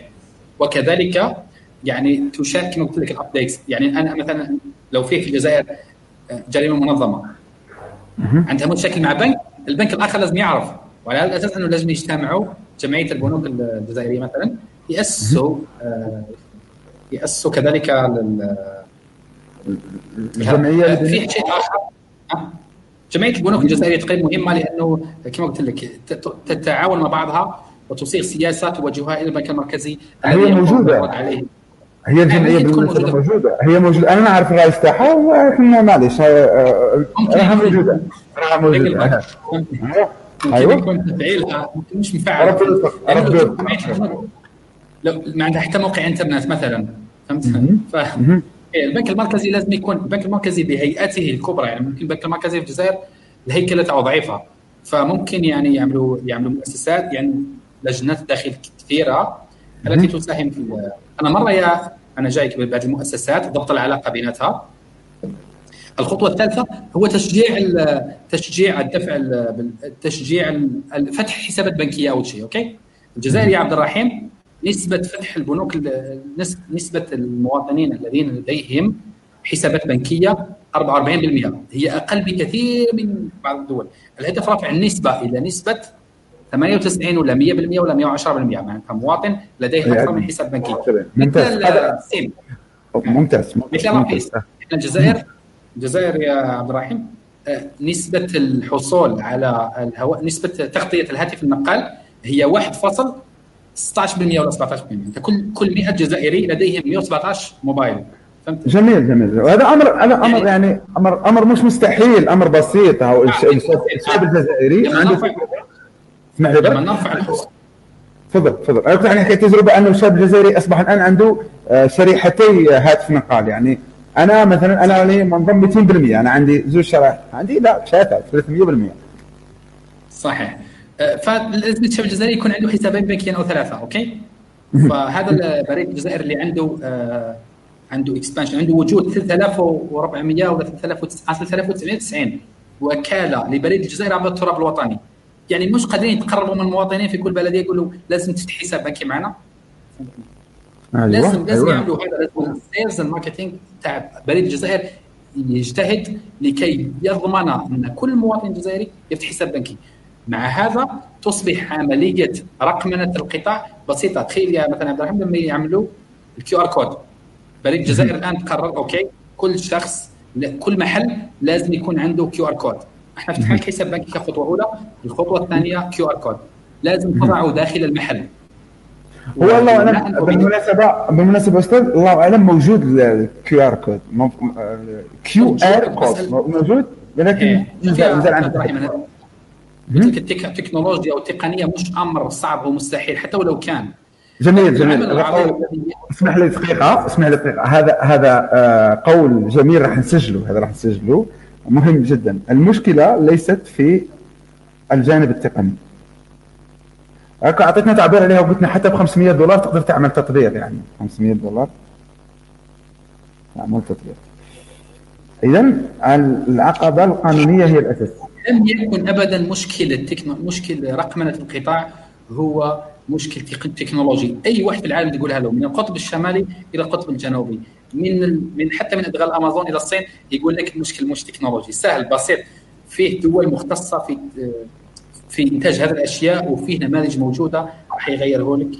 راح يغير لك تطبيق بما يتناسب معك خلال أيام أسبوع يعمل لك تطبيق الأساس العمل الجوهري والأساسي أنه نغير المنظومة القانونية لكي يكون هناك حافز لي. آه، تخيل عبد الرحيم نعطيك مثال. وش يقدر يعمل بريد جزائر بال QR code. أنا ندخل الحانوت نحب نشتري OK؟ اشتريت أشياء قيمتها 1000 دينار 1000 دينار جزائري أوكي؟ أوكي. أوكي. أوكي. لو لو أنت يا عبد الرحيم زبون عادي. نقول لك أنا روح للبنك روح لل shop روح للحانوت هذيك واشتري أشياء بقيمة 1000 دينار. يعطيك خيارين لما تروح للمحل OK؟ يعطيك الشراء كاش ب 1000 دينار. ولا لما تشتري بال QR code يرجع لك 5000 بما يسمى cash back cash back هو يرجع لك الفلوس. انت تدفع تدفع 1000 دينار بعد ساعتين يرجع لك إحنا نقول ترجع لك 5000 معك شغل cash back صحيت فهمتني؟ هذه يعني عملية بسيطة جدا. لما نقارنها على الأرض بما يحدث. تخيل يا أستاذ عبد الرحيم أنه تكلفة ارجاع دينار واحد دينار جزائري واحد إلى المنظومة المالية. يعني عندك دينار في جيبك دوكا كاش نحب نرجعوه داخل المنظومة المالية. المنظومة المالية والله يكلف ثلاث دنانير. كيف قصتوها هذه؟ أنا انتبهت لهذه النقطة. دينار بثلاث دنانير باش ندخلوه كيفاش قصتوها كيفاش كيفاش يقيسوها؟ شوف أنت الجزائر ما فيهاش cash deposit machine صح. باش تروح ترجع دراهم البنك لازم تروح تاخذهم كاش وتروح لل الموظف اللي في البنك. رحنا للمبنى عبرت عليه التعبير باللغة الإنجليزية و... شحال يكلفك النقل. شحال باش تروح للمبنى هذاك. من من من مكان اقامتك للمبنى هذاك. قد حتى طاكسي صح؟ بعدين صح. تروح تنتظر ساعات من من الانتظار. بعدين يواجهك الموظف يقول لك أعطيني الفلوس. عمر الشاك ولا عمر الورقة هذيك. هو آه، يضيع 20 دقيقة من وقته ولا 30 دقيقة ليحسب المال ويضعه في حسابك. بعدين هو العشية يتحاسب مع مع الشاف تاعو لمدة 20 دقيقة. يعني 20 دقيقة ضائعه من وقته و20 دقيقة ضائعه من وقت مانجر. بعدين يتم نقل هذا الأموال عبر شركة خاصة إلى البنك المركزي أو إلى بنك آخر ويحطوه في الحساب. فهل هذا العملية الجد معقدة والتي تاخذ أيام وتأخذ من وقت الموظف وتأخذ من وقت الأخر يقدرونها بثلاث مرات. قيمة المبلغ. أيوه أيوه. بارك الله فيك. وعلى هذا الأساس إنه لو تخيل لو لو يتم الكترونيا ما فيش ما فيش موظف ما فيش أنت déplacer l'apport ما فيش أنت تواجه الموظف ما فيش موظف يتحسب مع الشاف تاعو ما فيش شركة النقل تجي ما فيش شركة نقل تديها الآخر ممكن قطع طرق يحبسها في الطريق وهذا ما تطرقت إليه أنت في فيديو الأمان. بارك الله فيك. حاجة آه، إذا كان تفضل. آه، ليك تخط ليك تخط كملوا بعدين أنا ندخل هيك مسجل المقطعين تفضل. آه، قلت لك هذه الأشياء يتم اوتوماتيكيا يعني يتم الحصول على خدمات وسلاح وتحويل الاموال إلى يعني من من المستلم من المرسل إلى المستلم الكترونيا في نفس في نفس الوقت الوقت الحقيقي. عوض أيام. تخيل مثلا أنا يا عبد الرحيم أنا أسكن مثلا في آه، وهران وأنت تسكن مثلا في مسيلة. آه، آه، باش نحاول ن- ندير أنا وياكم معاملة نحب نحول لك فلوس. تقول لي صبر تشوف اليوم الجمعة فهمتني؟ تقول لي السبت آه، لحد نبعثهم لك بس لاباس ما تخدمش صح؟ صحيح. صحيح. في ثلاث أيام هذوك لو تشوف سعر الدينار شحال انخفض ممكن بدينارين أو ثلاثة صح؟ لأنه الدينار. كل يوم يمشي ويتناقص فهذا ال- القيمة ال- ال- قيمة الدينار وما يمكنك شراؤه من سلع أو خدمات يوم الجمعة مش نفسها يوم الأحد يوم الأحد. هذا 48 ساعة. يمكن أن تقضي أشياء كثيرة بها لو استلمت المبلغ يوم الجمعة صح؟ يعني لو كان فيه تحويل شوف كمية الوقت اللي تربحها شوف كمية الفلوس اللي تربحها وشوف كم الجهد والتعب اللي تنقص. هذا هو بارك الله فيك. وجزاك الله خيرا ثاني كاين آه، تكاليف تاع فرص بديلة أخرى مثلا آه، قادر آه، دراهم مزورين. قادر يصرى براكاج. قادر يصرى خطأ في أنا أنا عندي واحد صديق غلط مرة كان مدوخ شوية حسب باللي ورقة تاع 2000 دينار 2000 دينار. 200000 حسبها على سنة 50000 ولا المهم راحوا له دراهم كبار. بهذه الطريقة برك فالأمر لما يكون مبلغ تقراه تحويل تاع مبلغ آه، 50000 دينار تقراه تبعث للأخ تأكد تأكدنا وأبعث. فهنا فهنا الأمر الأمر لما يكون كاين دفع إلكتروني راح نسهلوا بزاف حياة الناس ونشروا نشروا في الليل آه، نشروا آه، كما قلت ماشي لازم يكون في وقت الدوام. وأيضا اموالنا ب... مش تسمع فيك الصوت الصوت اسمح لي دقيقة أستاذ راه الصوت مكوبي عندك. شوف تقدر. ترسل في في نهار العيد شوف سبحان الله ال- بعض الأفكار ممكن أعطيهم لك عبد الرحيم من تجارب آه، الماليزيين. آه، الماليزيين في الثقافه تاعهم هم هون الماليزيين دولة متعددة الاعراق في الصينيين فيه الملاي فيه الهنود. شو ما الصينيين الصينيين لما يمنحوا آه، لما يمنحوا فلوس يوم ال- العيد تاعهم يسمى باللغة الصينية انك باو يضعون فلوس في في الظرف ويمنحون ال- آه، للأطفال ومثل الجزائر حنايا. الملاي المسلمين أيضا نفس نفس ال concept اللي هو اسمه duit raya duit raya عند الماليزيين هو آه، اموال تمنح للابناء الصغار يوم العيد فاهم علي؟ أيوة. فتخيل الماليزيين حولوها حتى الكترونيا أصبحت الكترونيا تسمى electronic ang pow electronic duit raya ويرسلوا فلوس للأبناء الصغار يوم العيد آه، بواسطة هذه التطبيقات؟ يعني حتى بدلوا حتى في الثقافة يعني أصبحت أحياء اشياء في الثقافة آه، بواسطة هذا الدفع الالكتروني ف جميل جميل جميل جدا. نكمل نكمل لك ما يتعلق بما تطلبه ما تحتاجه الجزائر لكي تصبح دولة مثل بقية الدول مثل ليتوانيا التي كانت دولة اشتراكية دولة شيوعية أيوة. مثلنا. أيوة. ماجيك هابن يعني في 91 آه، آه، آه، ليتوانيا كانت ميؤوس كانت مفلسة. فهمت؟ باش توصل بها الدرجة أنه آه، تخدم لك بطاقه وترسلها لك الجزائر هذا أمر جدير بالدراسة. فهمت؟ بارك الله فيك بارك الله قلت لك منظومة قانونية سوليد فيها الكثير من فيها الكثير من القوانين التسهيلات فيما يتعلق بتاسيس بنك تأسيس بنك تجاري تاسيس تأسيس بنك استثماري تأسيس آه، آه، تطبيقات التي تجي معها بطاقة Mastercard و Visa Card وتأسيس آه، تأسيس تطبيقات التي يمكنك فقط يعني آه، تعمر فيها رصيد وتشتري اونلاين فقط. يعني مختلفين هذا وبعدين نشرحهم. فيهم أيضا ال payment gateway من بوابه الدفع الإلكتروني. هذه آه، قضيه جوهريه نحب نفصل فيها أستاذ عبد الرحيم. payment gateway هذه اللي هي اللي هي بوابة الدفع الإلكتروني. أحيانا الاخوه لما يريدوا يشتروا شيء من موقع نفترض تدخل أمازون تريد تشتري لما تخير المنتج بعدين تخير تريد تدفع يقول لك تريد تدفع بال Visa Card ولا ماستر كارد ولا PayPal ولا آه، ولا PayPal يعني بمنصات أخرى okay؟ هذيك يقول لك Visa Card و Mastercard أنت لما تضغط يقول لك ضع آه، معلومات البطاقة وتاريخ الانتهاء وانت جربت أستاذ عبد الرحيم بحكم الفيسره لما تريد تشتري من بعض المواقع هذاك المنصة هذاك ال system اللي يخليك تضع البطاقة ويسحب فلوس يرسل لك message في التليفون و ويعني لما تعطيهم ال message التليفون يقوم باقتطاع المبلغ من عندك ويرسل المبلغ للشركة اللي حتعطيك بعدين المنتج صح؟ صح. صح. هذه هذه هي هذا مو هذا راهو module هي يعني هو مش تابع للموقع هذه راهي شركة بحد ذاتها توفر خدمة الدفع للموقع هذاك. هذه تسمى بوابة الدفع الإلكتروني payment gateway okay؟ أيوه. بالنسبة بالنسبة لل payment gateway الجزائر عندها فقط واحدة اللي هي SATIM بوابة بوابة الدفع ما بين البنوك. هي مؤسسة جزائرية تبع الدولة. يعني شوف دول يا أستاذ عبد الرحيم لو تشوف دول آه، مشابهة لنا يعني مش متقدمة كثير عندها عندها عدد هائل من آه، من منصات من من بوابات الدفع الإلكتروني لتسهل لتسهل الشركات والمؤسسات الصغيرة والمتوسطة أنها تحصل على هذا ال module تاع ال payment يعني اللي هو نظام الدفع في الموقع. فبشكل بسيط إحنا عندنا فقط وحدة تاع الدولة وهذا وين بدأت تخدم؟ تخيل مثلا نعطيك مثلا يا أستاذ عبد الرحيم السعودية عندها نظام سداد متطور جدا ويعني من ثلاث سنوات فقط آه، عملوه لو تروح البحرين عندها BENEFIT BENEFIT هذه آه، بحرينية مستوى عالمي.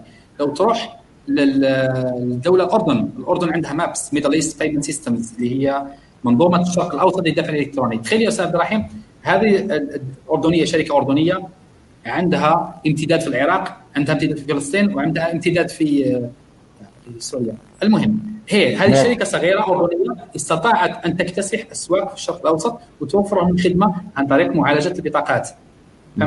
يعني مش مش صعب مش صعب إنه إحنا نجيبوا MEPS تخدم في الجزائر. مش صعب. هذه قلت التكنولوجيا بسيطة جدا. يعني الإنسان اللي يقول لك إحنا مشكلتنا التكنولوجيا في الجزائر أنا أول معناها معارضين. معارضين سهل. فلازم لنا payment gateways كثير. يعني قانون يسهل نشاط منظومات الدفع بوابات الدفع الإلكتروني وكذلك من بين من بين مابس وسداد وهذه المنظمات عفوا هذه المنصات اللي تحدثت عليهم. هل هم مبادرات قطاع خاص ولا قطاع عام؟ آه سؤال جيد. شوف يا أستاذ الرحيم هذه تبدأ من هذه تبدأ من من المنظومة القانونية؟ قلت لك أول شيء إيش نعمل؟ نعمل آه، منظومة قانونية تسهل عمل آه، تسهل كيفية فتح بنك بنك استثماري بوابه دفع الكتروني okay؟ الآن أنا مواطن أردني ولا مواطن جزائري ولا مواطن شفت دفتر الشروط أنا عندي تكنولوجيا نقدر نستوردها نقدر نخدمها نقدر نطورها. عجبني ال business هذا تاع ال payment gateway لأنه يحصل على 2% من من كل التحويلات. أخوي أنا نقدر نقول أنا حاب نفتح آه، بوابة دفع الكتروني فهذه تنتمي للقطاع الخاص. الدولة دائما هي كما يسميها في المنافسة؟ آه، يسميوها ال finite player وال infinite player اللي هي اللاعب الغير المنتهي واللاعب المنتهي. في كل دول نعم. العالم لو أي دولة تريد تنجح لازم يكون عندها اللاعب الغير المنتهي اللي هو ما المقصد به؟ آه. اللاعب الغير المنتهي هو هو هو مؤسسات الدولة. في هذاك القطاع الخاص التي لديها البنية التحتية لديها المال لديها آه، أقسام التدريب البحث والتطوير. من شأنه آه، يعني إحضار أي تكنولوجيا جديدة والاستمرار دائما في ال innovation في الإبداع. okay؟ فإحنا مثلا لو لو يعني كنا في آه، منظومة مثالية SATIM ستكون اللاعب الغير منتهي. كل يوم يجيب لنا تكنولوجيا جديدة كل يوم يدخل بنك في system كل يوم يعطينا وسائل جديدة في مكافحة الجريمة الإلكترونية في تسهيل الدفع. فاهم علي؟ آه ويكون لاعب لاعبين صغار. لاعبين صغار هم اللاعبين المنتهين اللي هم مبادرات خاصة يقومون بإنتاج شركات بوابات الدفع الإلكتروني تنافس الشركات الوطنية. لكن ب market share صغير مثلا الحكومة إذا افترضنا أن الحكومة تسيطر على 80% من القطاع و20% يخليه القطاع الخاص. وش يعمل القطاع الخاص يا أستاذ عبد الرحيم؟ سيدرس سيدرس وي target يعني يستهدف. آه يستهدف كل يستهدف كل الشركات الصغيرة والشركات المتوسطة والناس اللي عندهم صعوبات مع الدولة لكي يفتحوا آه، لكي يعني آه، يحصلون على بوابات دفع إلكتروني. نعطيك مثال. الآن الدولة عملت SATIM SATIM موجودة في العاصمة. لازم باش تقدم على هذا الويب الالكتروني لازم تنتقل للعاصمة تعطيهم وثائق تعطيهم ال code source تعطيهم جميع المتطلبات اللي يطلبونه. توقع على وثيقة يعطيو لك. الآن في شخص في بشار في شخص في تندوف في شخص في الجزائر العميقة في شخص بعيد كل البعد ما عندوش إمكانية ينتقل. عنده موقع صغير يبيع تليفونات يبيع يبيع دقلة يبيع زيت زيتون. يريد يكون يحب يكون عنده بوابة دفع إلكتروني يشتريوا عليه ناس من الخارج ولا من الداخل يدفعوا له فلوس يوصل لهم السلعه تاعهم لما يتواصل مع ساتيم يقول له ساتيم أنت بعيد أعطينا هذه الوثيقة ما عندكش بطاقه ما عندكش عنوان إقامة ما عندكش هذه ما عندكش سجل تجاري. فهمتني فإيش يعمل؟ هذوك الشركات الخاصه آه، تتصرف كضمان لهذاك المو... لهذاك المقاول الصغير وتفتح له آه، تعطي له بوابة الالكتروني مع ضمانات.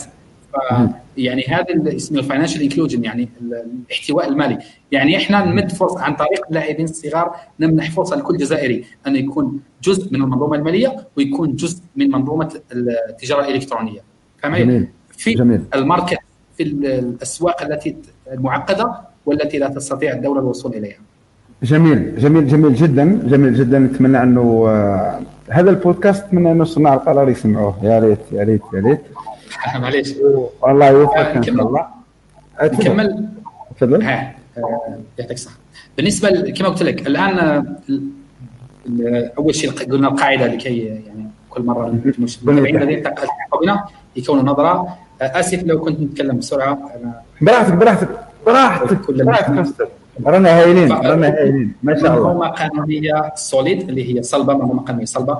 الحاجة الثانية مؤسسات. المؤسسات اللي ما عندناش نكريوها والمؤسسات اللي عندنا نفعلوها ونضبط العلاقة بيناتهم عن طريق أنظمة آه إلكترونية تسمح بانتقال المعلومة في الوقت الحقيقي. إحنا في الجزائر الشيء الملاحظ أنه أهم شيء أنه المعلومة تنتقل على ال paper معناتها انايا من بنك الخارج عندي صديقي في بنك فلاني لازم نطبع الورقة نشوف ال rapport هذاك نشوف نروح نديها له. لكن لو عندنا electronic system يعني آه، نظام إلكتروني ولا ال Outlook على الأقل نرسل نتبادل معلومات في الوقت الحقيقي. هذا يختصر الكثير من الوقت والجهد. فهمتني؟ جميل جميل. فهذه هذا ما أقصد بطبيعة العلاقات بين البنوك. لازم تكون هناك انسجام وتكون في وتكون هناك cohesion cohesion معناها كيفاش نقولوا؟ cohesion إيه كيفاش نقولوا؟ بالإنجليزي اسمها يكون فيها في ال private chat ولا بيناتهم آه، آه، يكون هناك تداخل وظيفي. ها تداخل وظيفي ما بين أيوه تداخل وظيفي. تداخل وظيفي بين البنوك آه، وبين المؤسسات المالية الأخرى وبين بوابه الدفع الالكتروني وبين التطبيقات تسمح بتبادل المعلومات في الوقت الحقيقي. أيوه. كي تبادل المعلومات في الوقت الحقيقي تسمح باختصار بضمان التحويلات المالية في وقتها تسمح بنقص حتى اللوس يعني الخسائر الناتجة من القرصنه إحنا الجزائر من الدول يعني إحنا من المحظوظين لأنه الجزائر ما فيهاش جريمة منظمة. إحنا الكثير من الناس الذين يعني في الجزائر تقول آه، يسمون ارواحهم آه، قراصنة الإنترنت يعني يعتقدون أنهم يعني يسووا آه، قراصنة إلكترونية. هذا هذا في الجزائر يعني إحنا محظوظين لأنهم هم مستواهم جدا متواضع. يعني مش لا يرتقون إلى إلى مرتبة قراصنة world class ولا يشتغلون مع مجموعات فيها 100 200 300 بما يسمى ب click farms ويسمى بال syndicates fraud syndicates فهمت؟ هذا آه، مثلا في الهند ولا في إندونيسيا هذا هذا آه، عبارة عن عائق عظيم. يعني يكلف كل يوم خسائر بالملايين. تخيل يسرقوا لك حسابات يخترقوك بشكل مرعب. هو بالك بالك أصلا اسمح لي دقيقه أستاذ. بالك أصلا صناع القرار متخوفين من هذه النقطة بالضبط. يقول لك أنا ما نضمنش دراهم الناس وما نضمنش سؤال جيد. آه، هو شوف أهم شيء في هذا أهم شيء في المنظومة المالية أنه مع البروتوكولات الحالية والأمان وال cyber security من المستحيلات انه أس أس القراصنة يسرقون حسابات الناس بدون تعاون منهم. يعني هم هذا القراصنة يعتمدون على غباء بعض الزبائن. مش نعم. آه، ما يقدرش يسرق لك حساب بدون تعاونك مثلا أنا عايز عبد الرحيم يقول لك ربحت مليون أعطيني الكود. تعطيني الكود إيش مسؤولية شخصية. يعني. آه مسؤولية شخصية. يعني. هنا هنا كنت تخيل باللي آه، سي محمد اسمح لي تخيل باللي صانع قرار أو يتفرج فينا نهضرو ولا من بك إحنا لنا في مشروع تاع تربية أجيال. تخيل باللي صانع قرار بعد 20 سنة ويسمع فينا نهضرو يقول لك أنا ما نقدرش نغامر بالمصلحة. عفوا. عفوا. ما نقدرش نغامر بأموال الناس. وأنا بصفتي إنسان مسؤول على هذه الأمة. فلازم تعطي لي ضمانات. الآن أنا فهمت من عندك باللي ما لم يقم الفرد هو بالانسياق لخدعة الهاكرز. مش هيسرى الهاكرز لأنه كاين مؤسسات تعمل على حماية هؤلاء. وهل هذه المؤسسات تحمل مع الحكومات في عقود آه، رسمية؟ وهل كاين في تجارب دولية مع هذه المؤسسات؟ هذا سؤال جيد. شوف أستاذ الرحيم آه، بالنسبة لل payment أي بطاقة بنكية معك؟ أوكي أنت معك بطاقة بنكية Paysera صح؟ ممتاز فيه الكثير من من البطاقات تصدرها بنوك صحيح؟ الآن لو تشوف البطاقات البنكية معظمها باستثناء الذهبية التي هي بطاقة جزائرية كل البطاقات عندها ال embossing تاع Mastercard و Visa Card صح؟ ولا صح. هما هذا إيه هذا الوسائط الدفع أوكي؟ هذا هناك عدد محدود منهم في العالم ويشتغلون مع بعض. هذه لازم الجمهور الكريم يعرفها أنه لما تشوف بطاقات أوكي؟ بطاقة بنكي مهما كان. راح تشوف يا إما فيها ماستر كارد يا إما Visa Card يا إما مايسترو يا إما Cirrus يا إما Discover Diners Club JCB UnionPay RuPay. تقريبا 10 واحدة من الهند واحدة من الصين واحدة من اليابان والباقي من أمريكا تقريبا. okay؟ ماستر كارد فيزا كارد جي سي بي روباي يونيون باي جي سي بي وكذلك مايسترو هذا تقريبا هذو هم اللي يمدوا البطاقة السمعة العالمية. okay؟ هذه أول شيء. وبعدين يا أستاذ عبد الرحيم أنت لما تشتري من بطاقة Paysera لما تشتري من أمازون من عند أمريكي okay؟ هذاك الأمريكي عنده حساب في أمريكا وأنت لديك حساب في ليتوانيا صح؟ صح. الفلوس كيف يروحوا من ليتوانيا لأمريكا؟ صح آه. بس أنت هذا السؤال. آه. هذا صحيح. هذا تجيبه عليك اللوجو تاع ماستر كارد ولا فيزا. okay؟ البنك في ليتوانيا لديه فيزا. okay؟ وفيزا لديها 35 مليون شركة تحتها. 35 مليون. شركة. مش إنسان شركة. 35 مليون شركة. merchant يعني بائع. بائع يعني عبارة عن شركة. 35 مليون. فيزا ممكن 40 مليون. UnionPay ما اعرف الأرقام لكن اللي نعرفه هي ماستر كارد لديها 35 مليون. شركة تستعمل ماستر كارد ويمكنك الشراء منها. okay؟ ماستر كارد ليست بنك.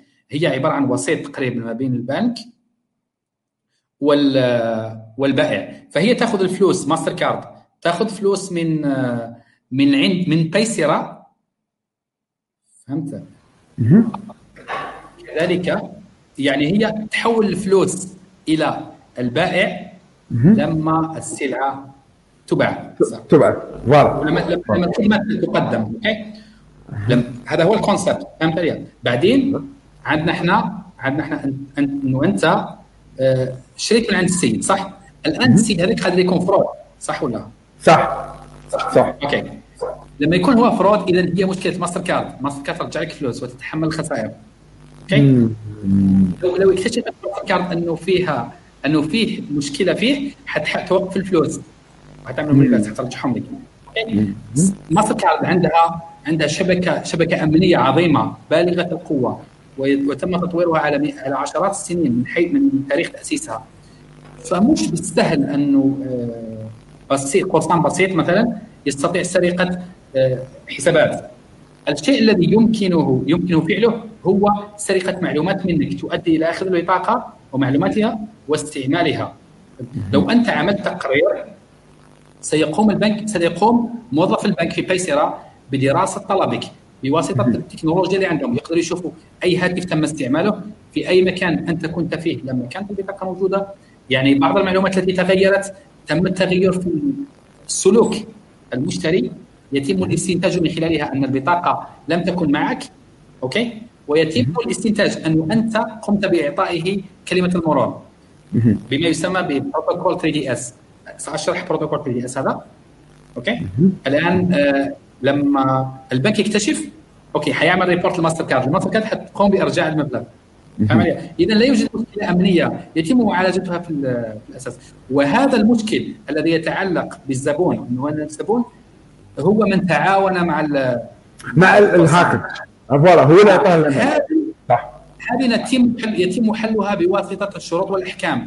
قبل أن تقدم على البطاقة يجب أن تقرأ الأحكام يجب أن تضغط على اكسبت وافق. جاكسبت صح؟ جميل. قبل أن تفتح البطاقة. صحيح. لازم تقرأ هذا أن مسؤوليتك الكاملة على أي معلومات تمنح إلى قرصان.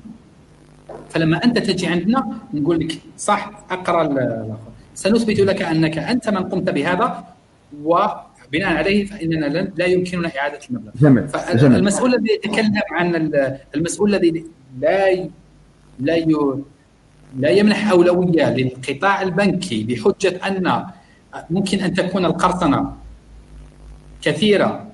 يمكنه يمكنه السماح بهذه المشاريع تنطلق ويتم ويتم تقديم تقارير شهرية عن نسبة الفرود عن نسبة القرصنة ونسبة السرقات وكذلك الخطوات التي يتم عملها لإنقاذ هذه لهذه الحالات.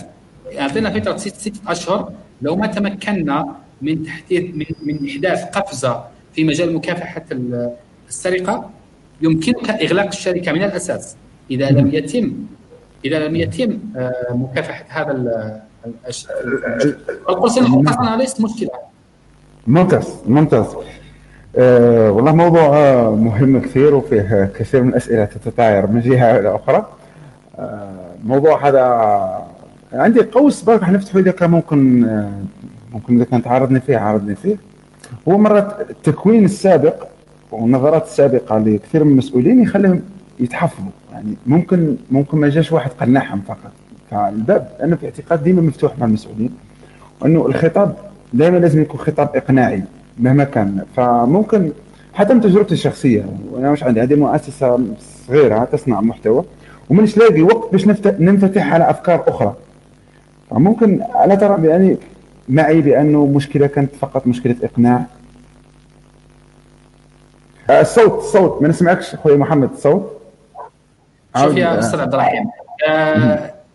يا ريت كانت المشكلة مشكلة آه معلومات. لكي باش نوضح لك أنه المشكلة مش مشكلة معلومات نحطك في الصورة فيما يتعلق بالقوانين الدولية. أنا قلت لك ان المشكلة قانونية من الأساس. الجزائر في سنة 2015 و2016 تم إدراجها في القائمة الرمادية اللي هي راح تصبح السوداء في مجال مكافحة في مجال ضعف الشفافية وكذلك عدم القيام بخطوات عملية وملموسة في مجال في مكافحة غسيل الأموال.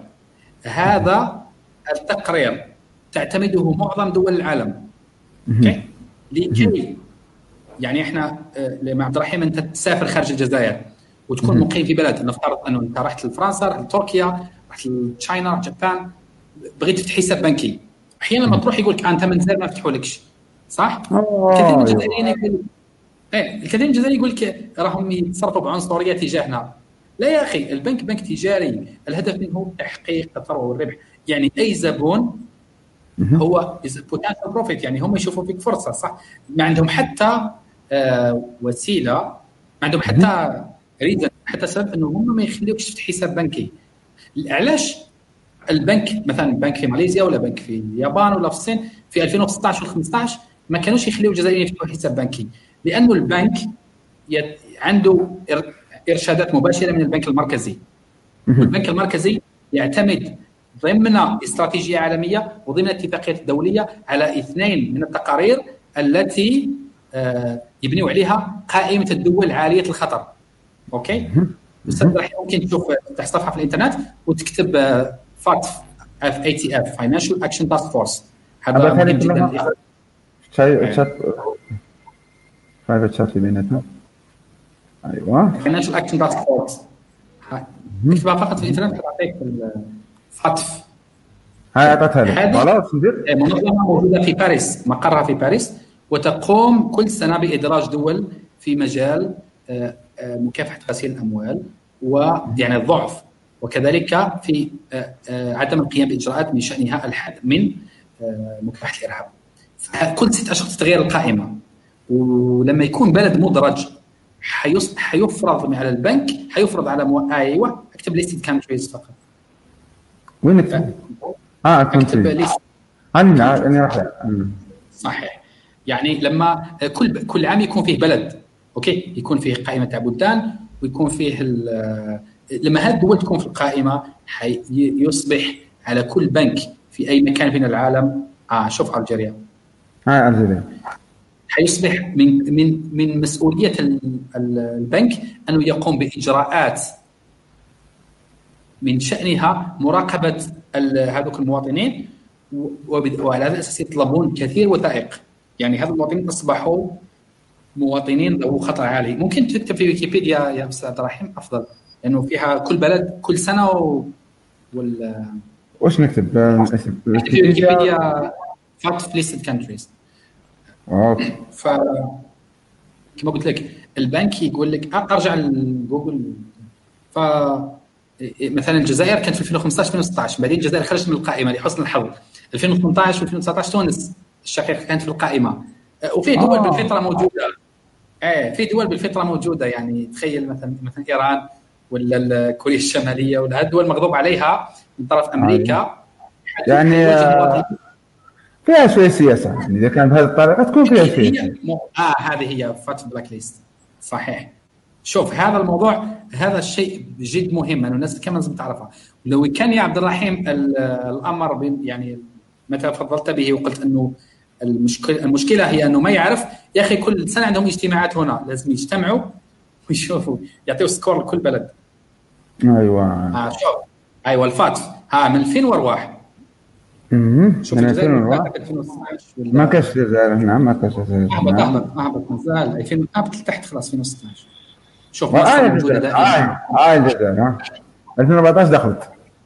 2014 دخلت. اي نعم. صحيح. هذا هاي 2015 دخلت. وبعدين حتى اللي اعتقد 2014 أيوه.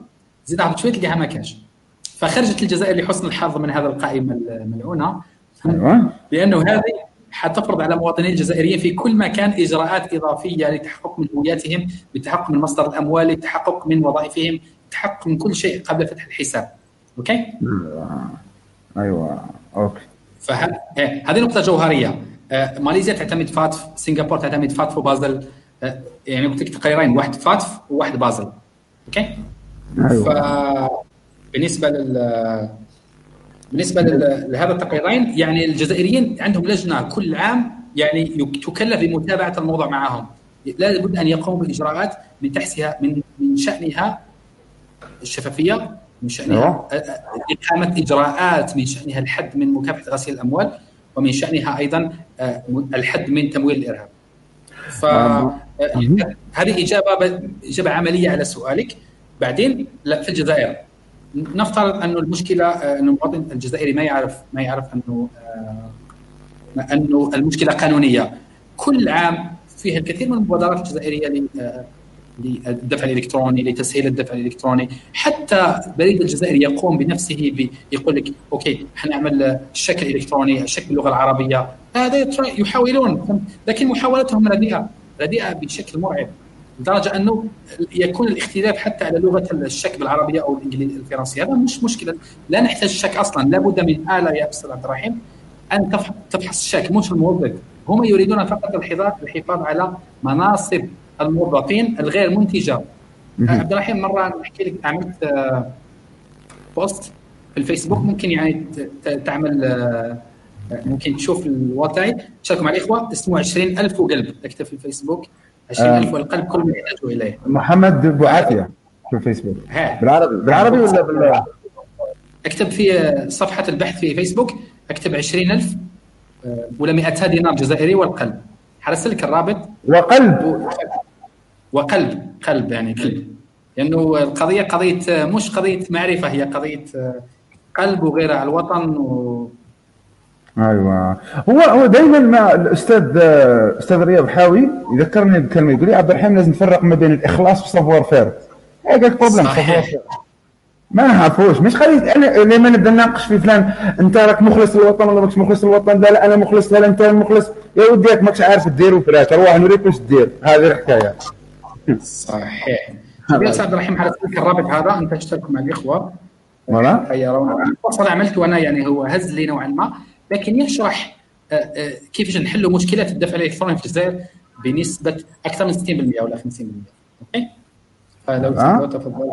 دقيقة دقيقه فقط بدي يشارك هذا. بسم الله.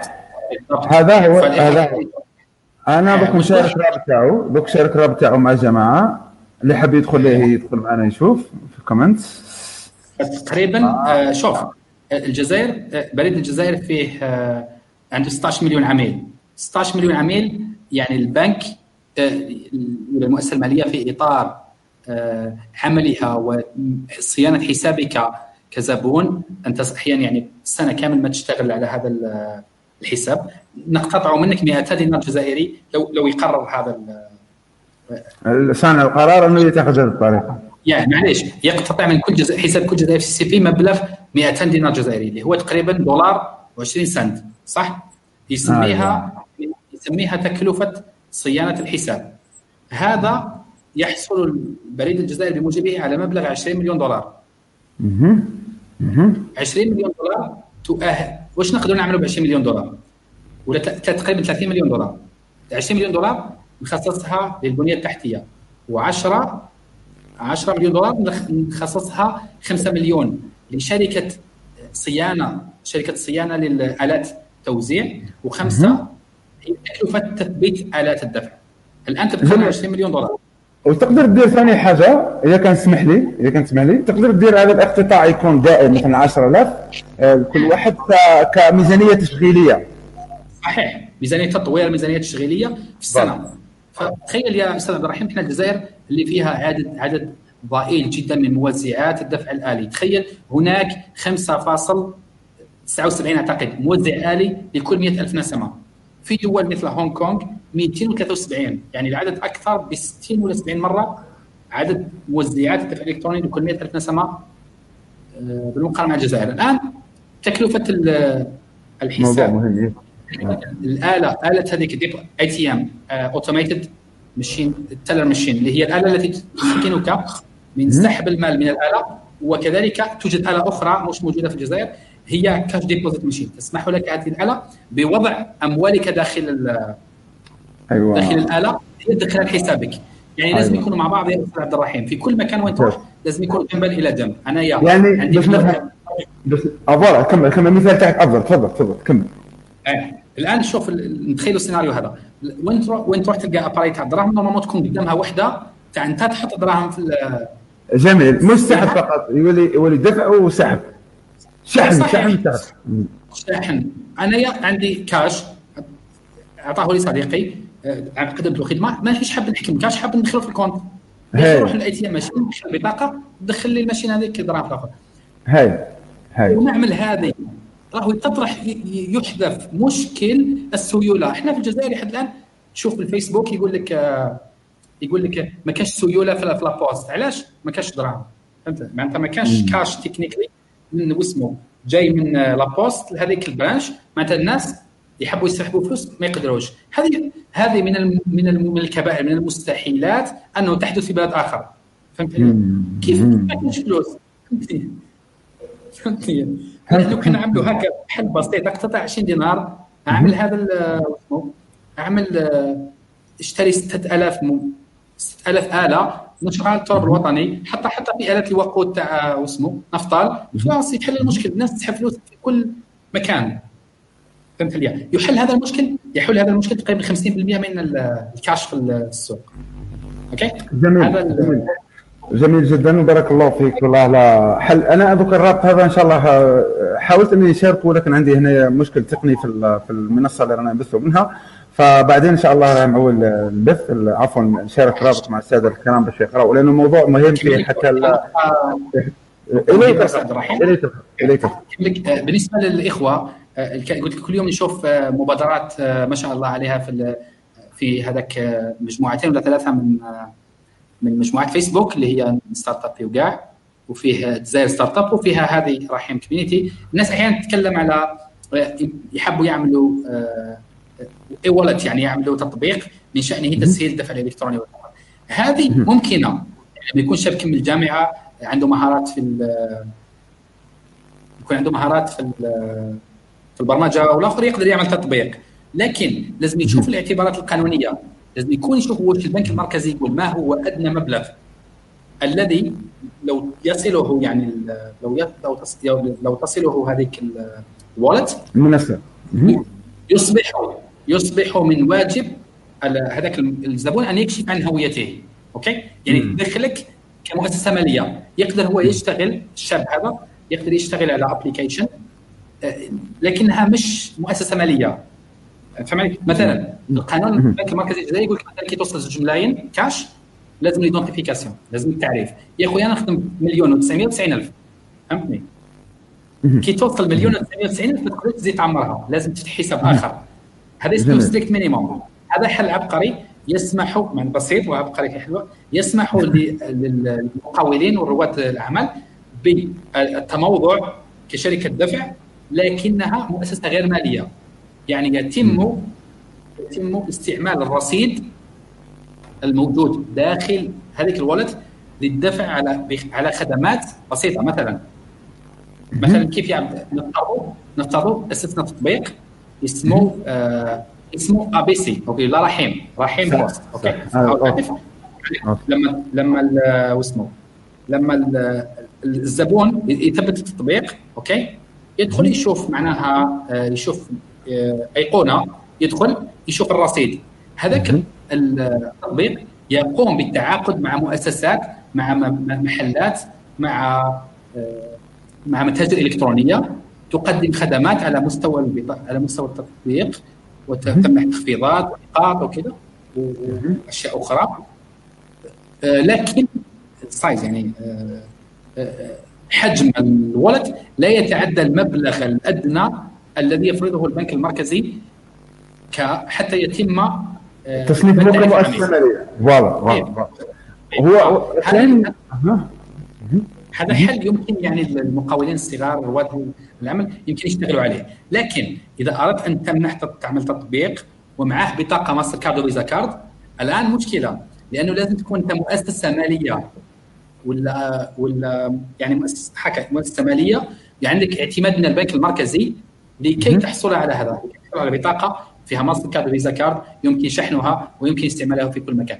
غياب النظام القانوني هذه المؤسسات المالية في الجزائر نفسها مثل البنك تجعل من الشباب تجعل من تأسيس المشروع في الجزائر. شبه مستحيل. ويعني ترغم شباب مثلك يا عبد الرحيم وشباب آخرين على أنه يقدم على بطاقة قيسره يقدم على مونزو ريفولوت الكثير من الابلكيشن. كانت في السابق ناتلر في يوروب فهمتني هذا ثم نعم. تلجؤون إلى هذه تجيكم من الخارج أه واسمه مع أنه لو تشوف الإطار القانوني ربما راهم تلاعبوا آه، في ليتوانيا. تلاعبوا بمن سيستفيد من البطاقه فهمت علي؟ جميل جميل. جميل هم هم أصلا هم مستفيدين هم لما إحنا حسبنا أنا كشخص أنا أدفع حوالي 6 اورو 6 أورو سنويا كخدمات لبايسيرا بخلاف انه مرات أنا كانوا الجزائريين في في المهجر عاونوني باش نسير المشروع فلما المبالغ اللي كانت هنا تدخلني كانت موجودة في ليتوانيا. صحيح. علاش ما تكونش في الجزائر؟ علاش ما تكونش في الجزائر؟ لا ما تكونش في الجزائر؟ بالتالي أنا فوالا أنا ممتاز. علاش ما تكونش في الجزائر؟ وبالتالي نعزز من قوة الدينار لأنني أنا مصدر خدمات. أنا اللي مصدر خدمات. أنا بعت محتوى والمحتوى دخل فلوس فماذا بيا البنك الجزائري اولى بهم صحيح. هذا سؤال جيد. إحنا لأنه الدينار الدينار آه، ما عندناش قانون يضبط الدينار الإلكتروني. ليتوانيا عندها اليورو. المغرب عندها الدرهم. الدرهم عندها الدرهم الإلكتروني. تلقى مثلا المغرب في المغرب يقدروا يعملوا هذه الأشياء. مثلا PayPal يشتغل في المغرب بشكل صحيح Stripe يشتغل في آه، في المغرب بشكل صحيح. وفي كثير من هو هنا حتى عادل عادل طرح سؤال قال لك آه، la solution هذه Stripe Stripe في المروك هذه مغربية. آه لا لا لا Stripe أوروبية أعتقد. Stripe أعتقد أوروبية من ايرلند ولا؟ أعتقد من أيرلند المهم هي تشبه PayPal هي payment gateway هي بوابة دفع إلكتروني. مثل ما تكلمنا في السابق على آه، على بوابات الدفع الإلكتروني كاين المواطنه في البلاد مثل ال SATIM هي في الدولة وكاين PayPal و Stripe هذو international الآن Stripe آه، كما قلت لك راهي شركة قائمة بذاتها. Stripe ستكون متوفرة في الجزائر وتكون متوفرة في كل الدول التي لديها منظومة مالية. تقنن من عمل بوابات الدفع الإلكتروني. لديها partnership علاقات مع البنوك داخل الجزائر. لديها حساب لديها acquiring bank كاين حاجة ثانية issuing acquiring لازم نشرحها. يعني Stripe لازم حسابها يكون عندها حساب في بنك جزائري داخل الجزائر. يعني بنك يتحمل هذا العدد الهائل من التحويلات التي يأتيها كل يوم داخل الجزائر. الآن. كاين حاجة مهمة إنه الجزائر دائما يقول لك لو لو تدخل Stripe تدخل PayPal تدخل هذه الجزائر يكون خروج المال من الجزائر سهل إلى الخارج. هذا لا مش صحيح لأنه هذه الشركات PayPal ولا Stripe ولا في كثير من البوابات الإلكترونية يعني تلتزم التزاما صارما جدا بالقوانين داخل البلد الذي يشتغلون فيه. مثلا الجزائر تقول لهم تحويل الأموال خارج الجزائر ممنوع جدا ممنوع منعا باتا يعني PayPal ولا Stripe ستقوم بالمستحيل من أجل منع أي مبلغ من الخروج من الجزائر. فالأمر ليس مستحيل. هم يطبقوا القوانين.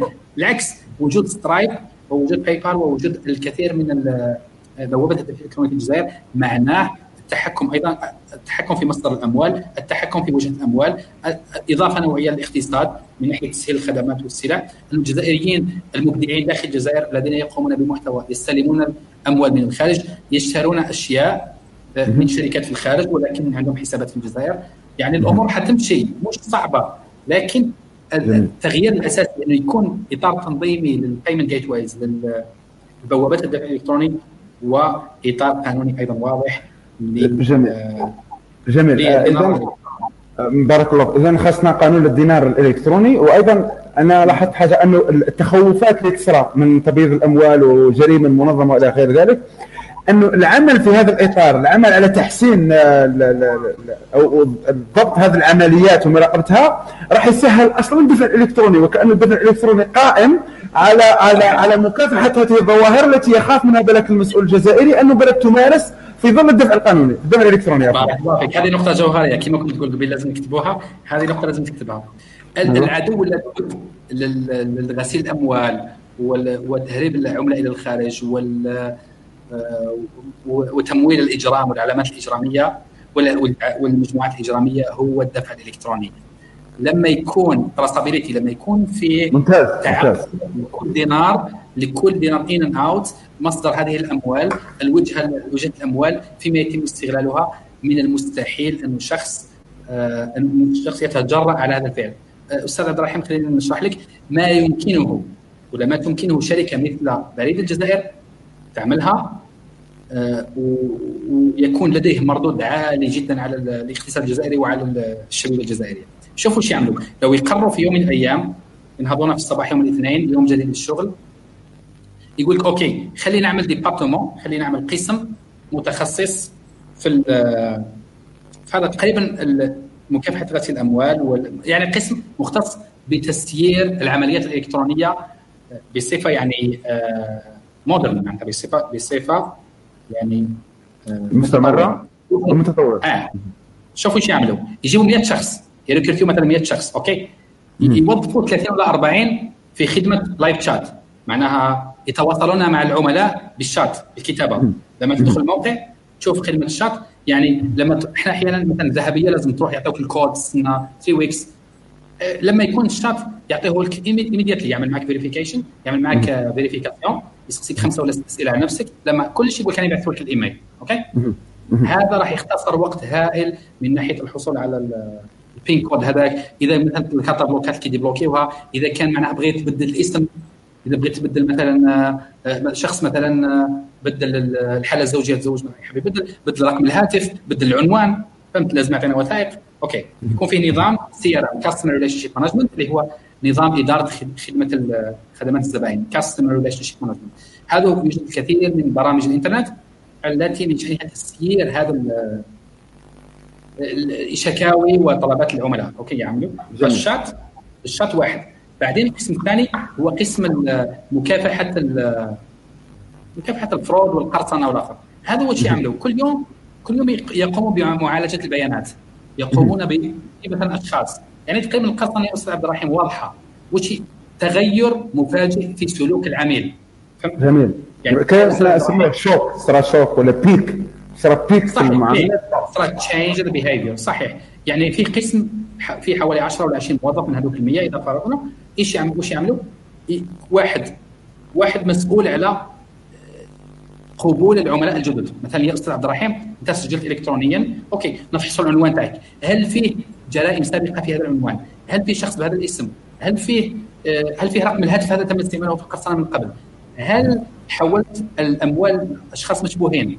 هذا يجعلك اوتوماتيكيا متبوع هل في حساب هل في حساب يدخل دراهم une fois normal هذه متابعة في الوقت الحقيقي في ال real time يعني في هذا يجعل من من القرصنة أمر شبه مستحيل. حتى ولو تمت يجعل من رد الفعل very quick معناتها سريع جدا. فهمت جميل جميل جدا 20 شخص يشتغلون بالبيانات معالجة البيانات كل يوم يدخلون على قاعدة البيانات ويقومون بتحميل البيانات التي فيها تغير مفاجئ في سلوك العميل. okay؟ في شخص كان يشتري منا ولا يشتري منا في شخص يحب يبدل ال mot de passe 11 مرة في شخص يبارطاجي عنوان مع الآخر فهمتني؟ هذا كامل indicators في كامل آه، عوامل تساعد على معرفة من هو الشخص الخطر من هو الشخص الجيد okay الآن نروح لشخص آخر operations في شخص كان راح يحول 100 آه، قسم العمليات في 20 ولا 15 موظف في شخص حاب يبدل بطاقة في شخص حاب يبدل آه، في شخص حاب سرقوا له فلوس لقينا وين راحوا لازم نرجعوهم. له هذه العمليات المتعلقة بالحساب والتحويل بين الارصده هذه قسم يتكلف بإعادتها في الوقت الحقيقي. مثلا أنت غلطت في الحساب حولتهم نحول لك في نفس اليوم. لازم نضمن أنه أنت استلمت الفلوس. هكا باش نبنيو الثقة؟ مش نقول لك دير رابور واستنى ثلاث أشهر. هذا يجعل منك شخص خايف مستحيل يدير ثقة في المنظومة المالية. لكن لما يكون في أشخاص من هذا النوع موظفين هدفهم معالجة الشكاوي في الوقت الحقيقي. وصلوا الفلوس يعيط يقول غلط نغلق نبلوكي الحساب ندير تحقيقات نعاود نرجع الفلوس. okay؟ بارك الله في أيضا في قسم إيه، في business intelligence في مثلا قسم يقوم بمعالجة البيانات الآتية من من الزبائن مثلا اليوم شفنا أنه هذه المنطقة في الجزائر آه، فيها كثير زبائن هذه المنطقة ما فيش. آه، بناء على المعطيات الجغرافية نحاول ننمي هذه المنطقة. okay؟ نرسل لهم فيسبوك نرسل لهم نقول لهم نحاول تعمل حسابات نعمل campaign نروح الجامعات فهمت؟ فننمي المنطقة باستعمال البيانات. ف يعني ال sales يعني المبيعات والتسويق. إحنا أنا ولا عمري شفت بريد الجزائر يقوم بتسويق يقول لي لازم يكون عندك CCP وليش ما يعملش؟ لازم يعمل تسويق. هو, هو, هو عادي. هو في القطاع العام في القطاع العام فلسفة القطاع العام أصبحت معروفة على الجميع بخاصة الشباب الجزائري. صايم يعني واحد من الناس واحد من الناس عندي عادي. برك كثر خير من يفتحوا بالوقت ويسكروا بالوقت. القطاع الخاص القطاع الخاص هو اللي يعمل ال marketing الأمل هو في القطاع الخاص. ونوع من الشركات اللي تحدثت اليوم voilà. نوع من الشركات اللي تحدثت اليوم اللي ما بين القطاع العام والقطاع الخاص اللي حكيت اليوم مؤسسات صغيرة هي اللي تعمل آه، خدمات من النوع اللي تحدثت عليه فهذا أمر مهم جدا. وشوف هو, أنا نتمنى لاعب منتهي ولاعب لاعب صغيره ولا غير منتهي. هذه وش رأيك يا أستاذ؟ بارك الله وش رايك يا أستاذ نعاود نتلاقاو في مناسبة أخرى. نزيدو نحكيو باسكو الوقت تاخر عندك هاي 12 12 دقيقة عندك.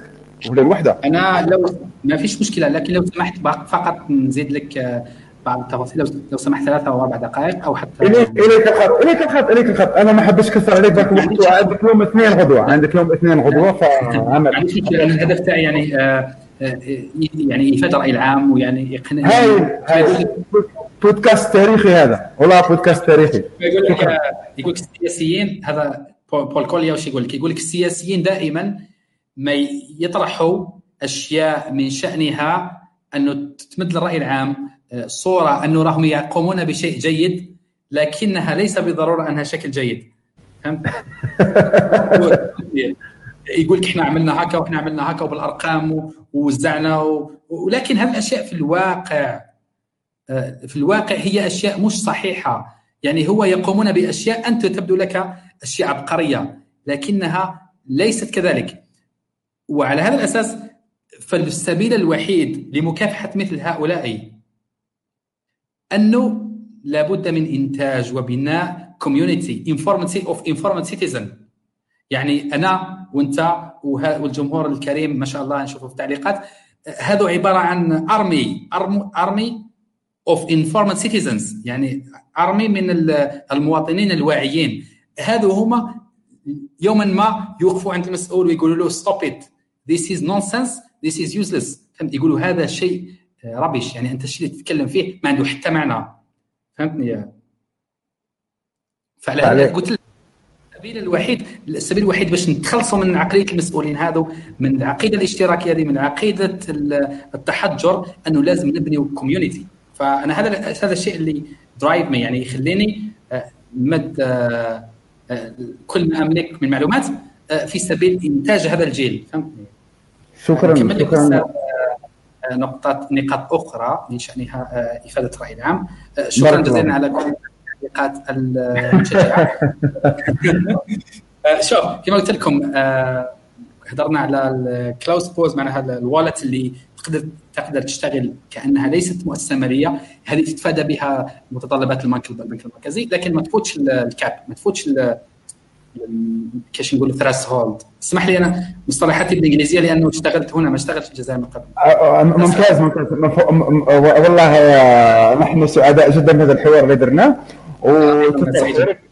كان آه، انت أنت تحدثت عن تحدثت عن الخط الذي يفصل ما بين الشخص اللي لازم يعتبر كمؤسسة مالية وعادي ينشط. هنا قلنا لا, لا آه، شوف البنك المركزي لو تشوف القوانين تاع مكافحة غسيل الأموال ودعم الإرهاب يقول أنه كل شخص قام بتحويل مالي يفوق المبلغ الفلاني لابد أن يقدم وثائق تثبت هويته.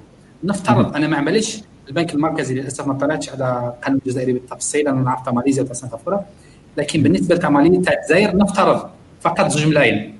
الإخوة الأكارم اللي يعرفوا القانون تاع الجزائر ممكن يكتبوا لنا في التعليقات. آه يدير. يحول المبلغ هذا. من نفترض زوج ملايين. أوكي باش نكمل الحديث نفترض زوج ملايين.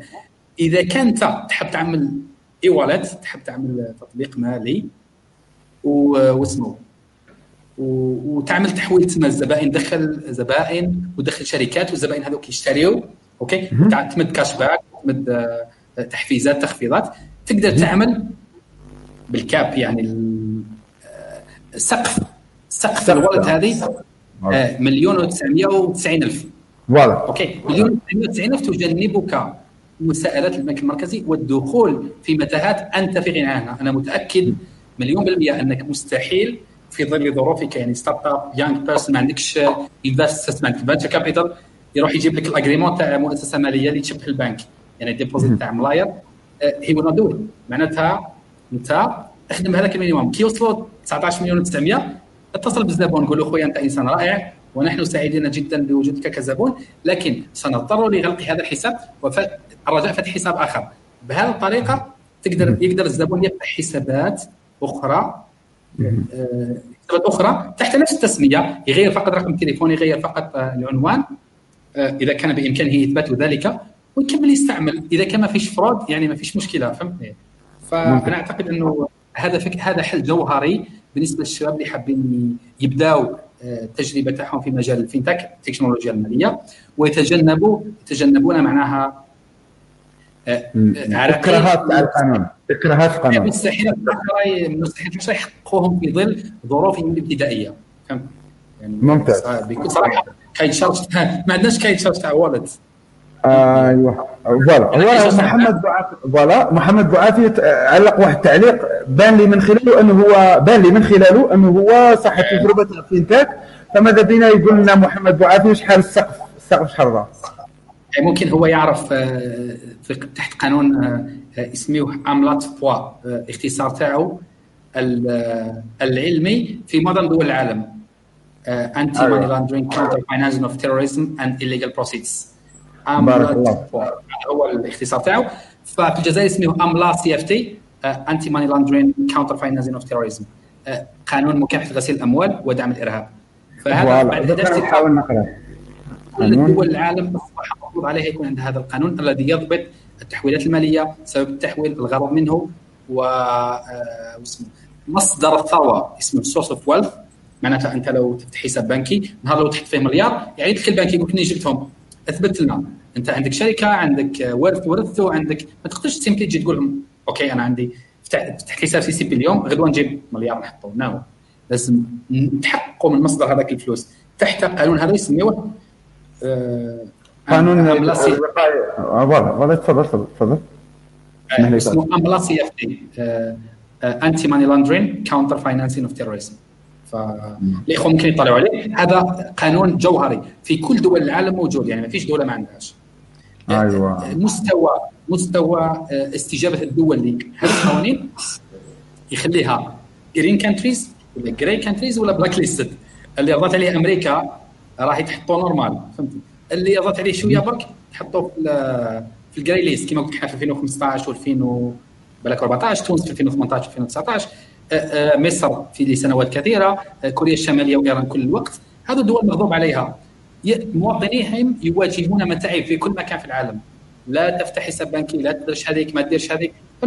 تحسهم مواطنين بنصف حقوق كالبشر. فهمتني؟ إحنا بحسن الحظ خرجنا من هذيك ال category فهمتني؟ فاحنا رانا normal إحنا دوكا رانا كي العباد أيوه. صح لازمنا نخدموا لازمنا نخدموا باش آه باش نتحسنوا ونمضيو قدما في مجال الدفع الإلكتروني. أنا راني نحوس على شوف مثلا هو يا أستاذ إبراهيم التقدم في مجال الشفافية في النظام المالي ولا مستوى قوة النظام المالي ما عندوش علاقة بأن الدول هذوك يستدخل الفلوس تيجي ولا لا نعطيك مثال. مثلا سنغافوره وماليزيا وهذا الإمارات. هي وهونغ كونغ هي وجهة تقليدية لتبييض الأموال وغسيل الأموال. هاو واحد عنده مشكل مع بلاده يهرب منها. شكون يستقبلوا هذه الدول فهمتني؟ يعني هذه الدول عندهم تاريخ أسود لكن بيضوه مع الوقت فهمتني؟ ممتاز. هو التغيير التغيير هو تغيير هو في الآخر هو هو ضد منظومتك. هو ضد منظومتك. لما تغير منظومتك أهلا وسهلا بك.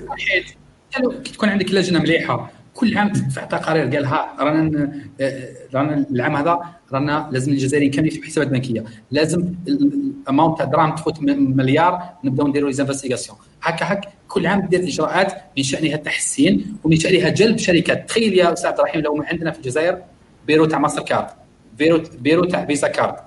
إحنا البطاقة تجي من تونس ولا من المغرب؟ لأنه ما عندناش مكتب. مثلا BDL تقدم على حساب بنكي تقول لك أرجع after months فهمتني إحنا في ماليزيا مثلا تقدم على بطاقة بنكية. 15 دقيقة يعطيها لك. تفتح حساب بنكي ويعطيك البطاقة هذيك ماستر كارد نفس الشيء دول كثيرة. الإمارات نفس الشيء. تفتح شركة ويعطيك بطاقة بنكية في خمس علاش؟ لأنه Visa Card موجودة في البلد ماستر كارد موجودة في البلد UnionPay موجودة في البلد JCB موجودة في البلد. فهمتني؟ كل الشركات اللي هي هذو يسميهم ال acquirers اللي هي ولازم يكونوا في الجزائر. يعني باش يكونوا في الجزائر لازم تكون الجزائر تدعم الاستثمار الأجنبي المباشر. هذا ما يدخلوش للجزائر ويديروا 41 59 مع كاش يديروا 49 51 مع كاش واحد كان يخدم. أي نشاط في الجزائر؟ لازم يكون holding company تكون قادرة كيما هما ولا يدخلوا وحدهم.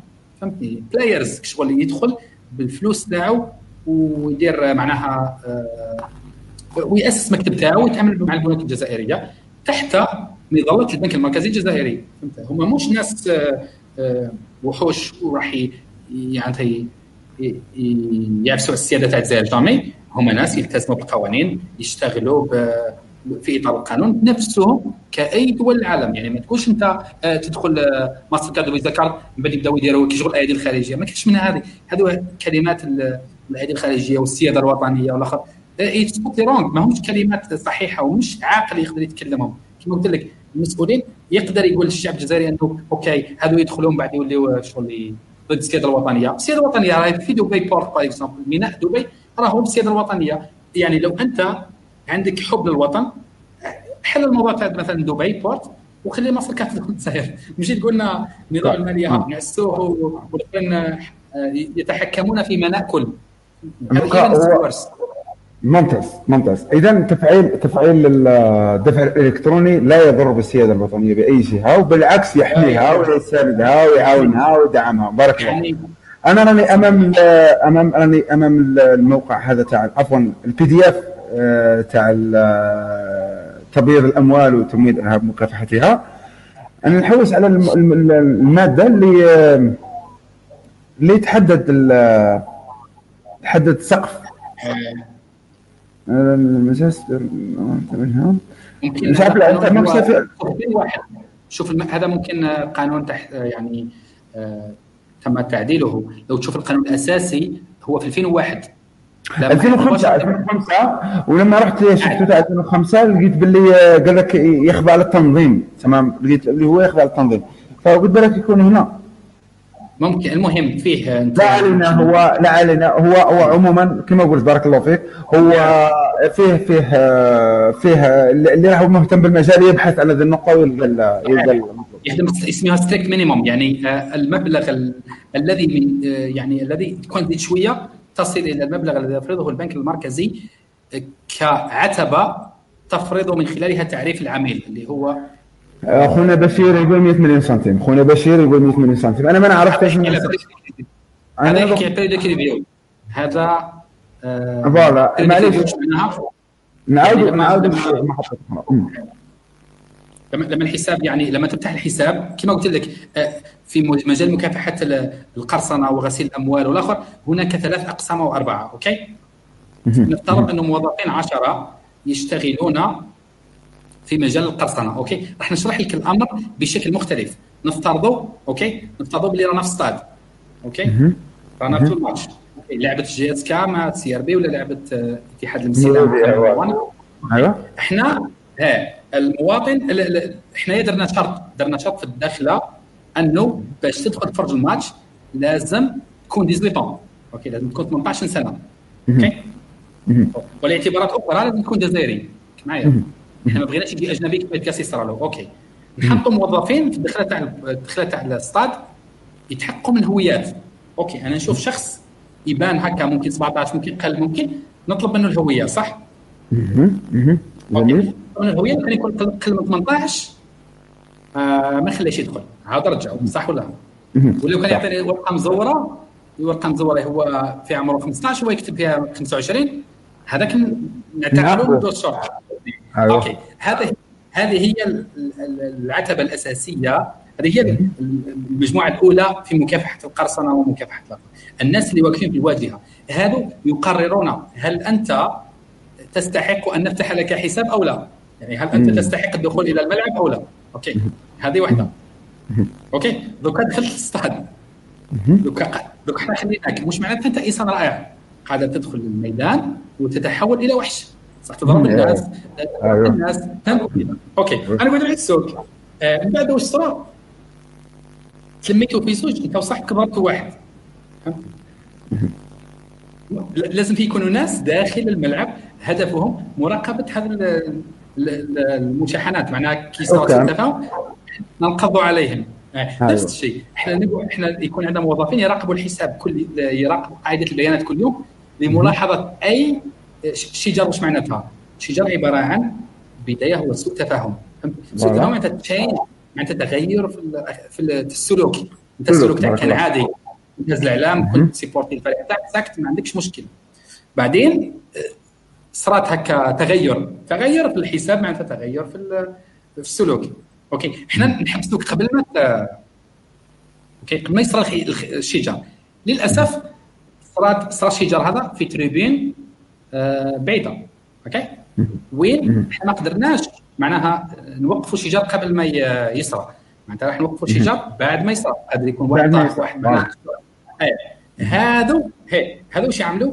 يوجد فريق في مكافحة القرصنة إنه يقوم بمتابعة دورية للحسابات يعني يسيرون دورية آه، تجوب كل قاعدة البيانات وملاحظة ما إذا في إمكانية أنه ستحدث. عندك ناس قاعدين يشوفوا كاش ما يصرى يحبسوا وفي ناس يتجولون كاش ما يشوفوا. فهمتني؟ بركا كي صارت آه، واسمه كي صارت السرقة إيه، صارت سرقة سرقوا ال wallet سرقوا ال portefeuille. OK. هو يشكي آه دوكا لازم نحوس وين راهي ال wallet صح ولا؟ عندنا فريق أيضا. تم تم سرقة حساب وتم تحويل الاموال الهدف هو إعادة الأموال إلى صاحبها. نقوم بالتحقيقات اللازمة على مستوى الحساب لإعادة المبالغ إلى مستحقيها. فهمتني؟ كي يكون عندك منظومة كيما هذه تشتغل في الوقت الحقيقي real time معناتها كي تصرى بك نحبسوها. ويخدموا 24 ساعة يعني ثلاث فرق تتناوب. احتمال حدوث آه، سرقة هي أمر نادر. واحتمال أن السرقة هذه كي تحدث تسبب أضرار بالغة هو احتمال أقل جدا فهمتني وفيه نسبة معتبرة من الخسائر. لو كان واحد مات في الصاد فهمتني واحد مات مات وتدو نعاقبوا القاتل لكن هذاك سيد من غير الممكن إعادة روحه إلى الحياة. سيكون سيكون فيه لوس سيكون فيه خسائر للمشتري ولا خسائر للبائع. إحنا كشركة يعني شركة البريد الجزائري ولا شركة أخرى ستقوم بإعادة المبلغ. وهي عندها التامين يعوض لها. فهمتني؟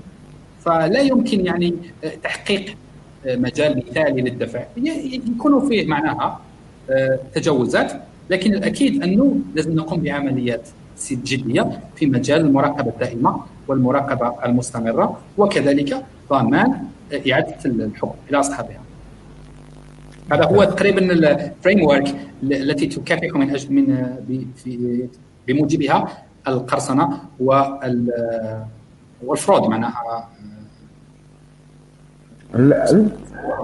fraud fraud معناها fraud fraud إحنا نسمع fraud عملية احتيال عمليه الاحتيال آه، الاحتيال صحيح ال fraud الاحتيال هو هذا هو تقريبا الميكانيزمات التي يجب تفعيلها على مستوى البنوك على مستوى آه، على مستوى المؤسسات الماليه هي المنظومه صحيح. البنك عنده عنده فريق مثل هذا الذي تحدثت عنه. بوابة الدفع الإلكتروني عندها فريق من هذا النوع. البنك المركزي عنده فريق من هذا النوع. يعني إذا كان أنت قدرت تفوت على البنك بوابة الدفع الإلكتروني ستكون انتظارك بوابة الدفع الإلكتروني لو تركتك تفوت راهو عندك آه، واسمه البنك المركزي في انتظارك.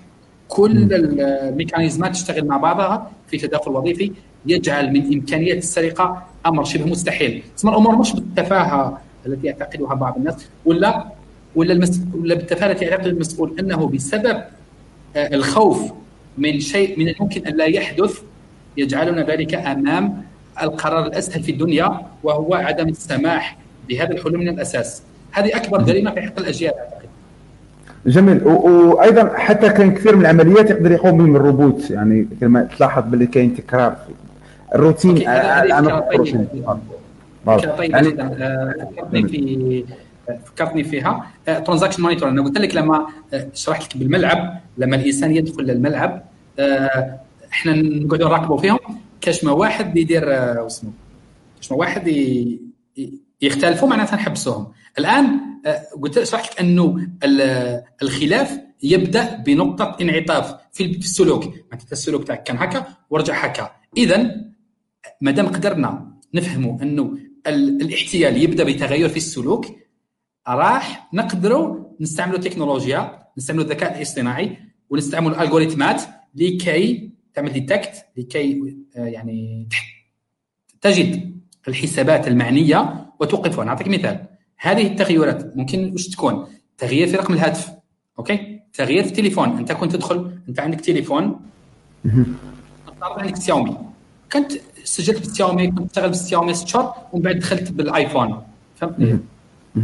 different اللي multi يخدم باندرويد يبقى يخدم اندرويد ويخدم ايفون بعد واحد يستعمل خمس هواتف. واحد يستعمل سبع هواتف واحد يستعمل آه، آه، عنوان استعمله 20 شخص واحد يطلب استلام البطاقة في مكان في عنوان واحد.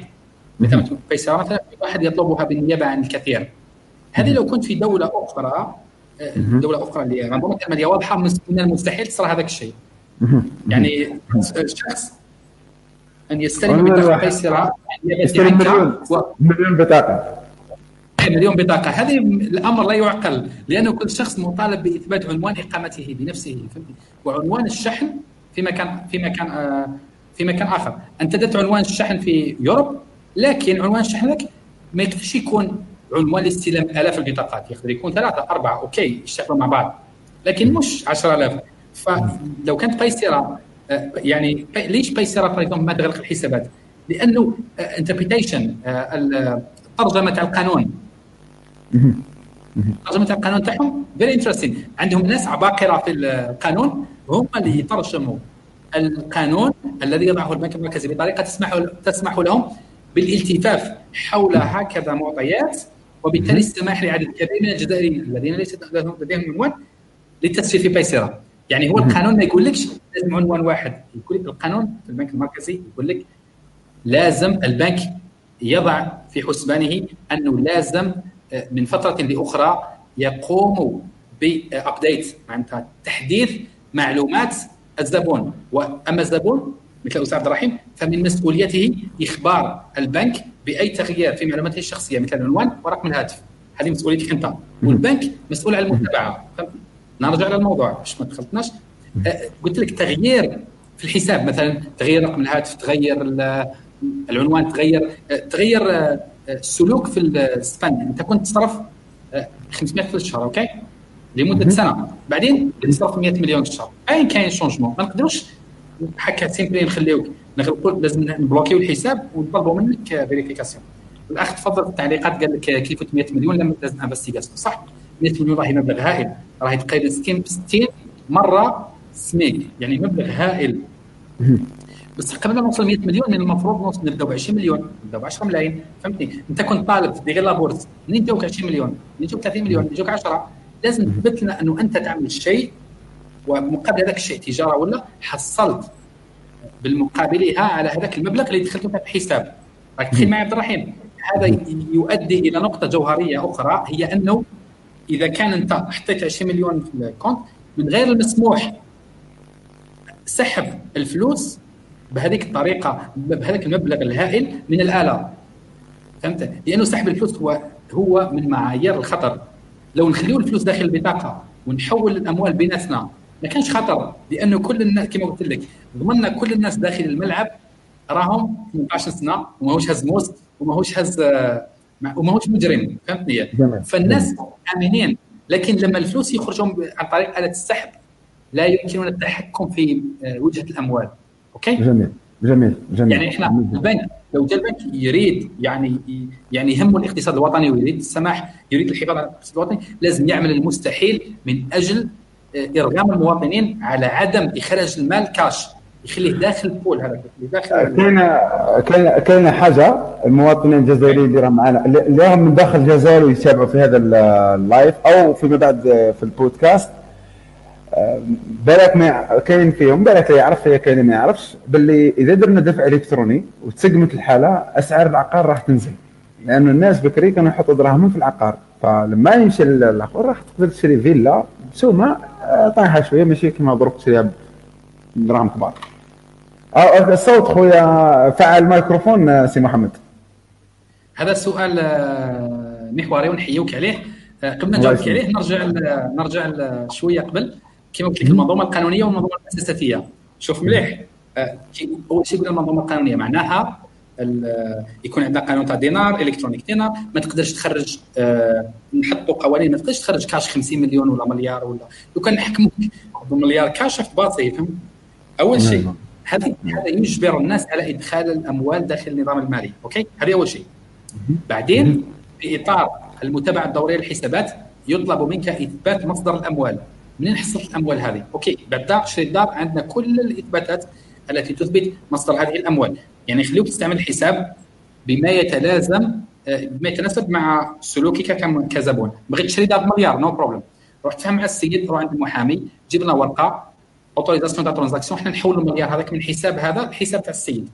إحنا قلنا 44% نسبة التغطية تاع الحسابات البنكية. وكان نرجعوها 100% اذا لا يوجد عذر. انه مواطن جزائري ما عنده حساب بنكي.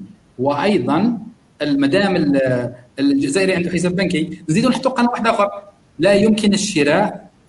شراء المنازل عن طريق الكاش فقط عن طريق التحويل البنكي هذه واحد. بعدين نروحوا نروحوا لمؤسسة أخرى. لما تكلمت على بنيه المؤسسات أنت قلت لي أنه آه جمعية البنوك البنوك الجزائرية موجودة صح؟ صح. صح موجودة. مؤسسه أخرى مهمة جدا يا ريت تكون في الجزائر واسمها هيئة مراقبة الشركات في دول كثيرة companies commission هذه الهيئة أوكي؟ هذه هيئة الشركات تقوم بمراقبة كل الشركات في الجزائر. تقوم بمراقبة شكون ال director شكون شكون من أين تأتي مصادر الشركة واش باعت واش شرات ال assets تاعها كل شركة في الجزائر. هذه هذه هيئة مراقبة الشركات هي العمود الفقري للمجتمع.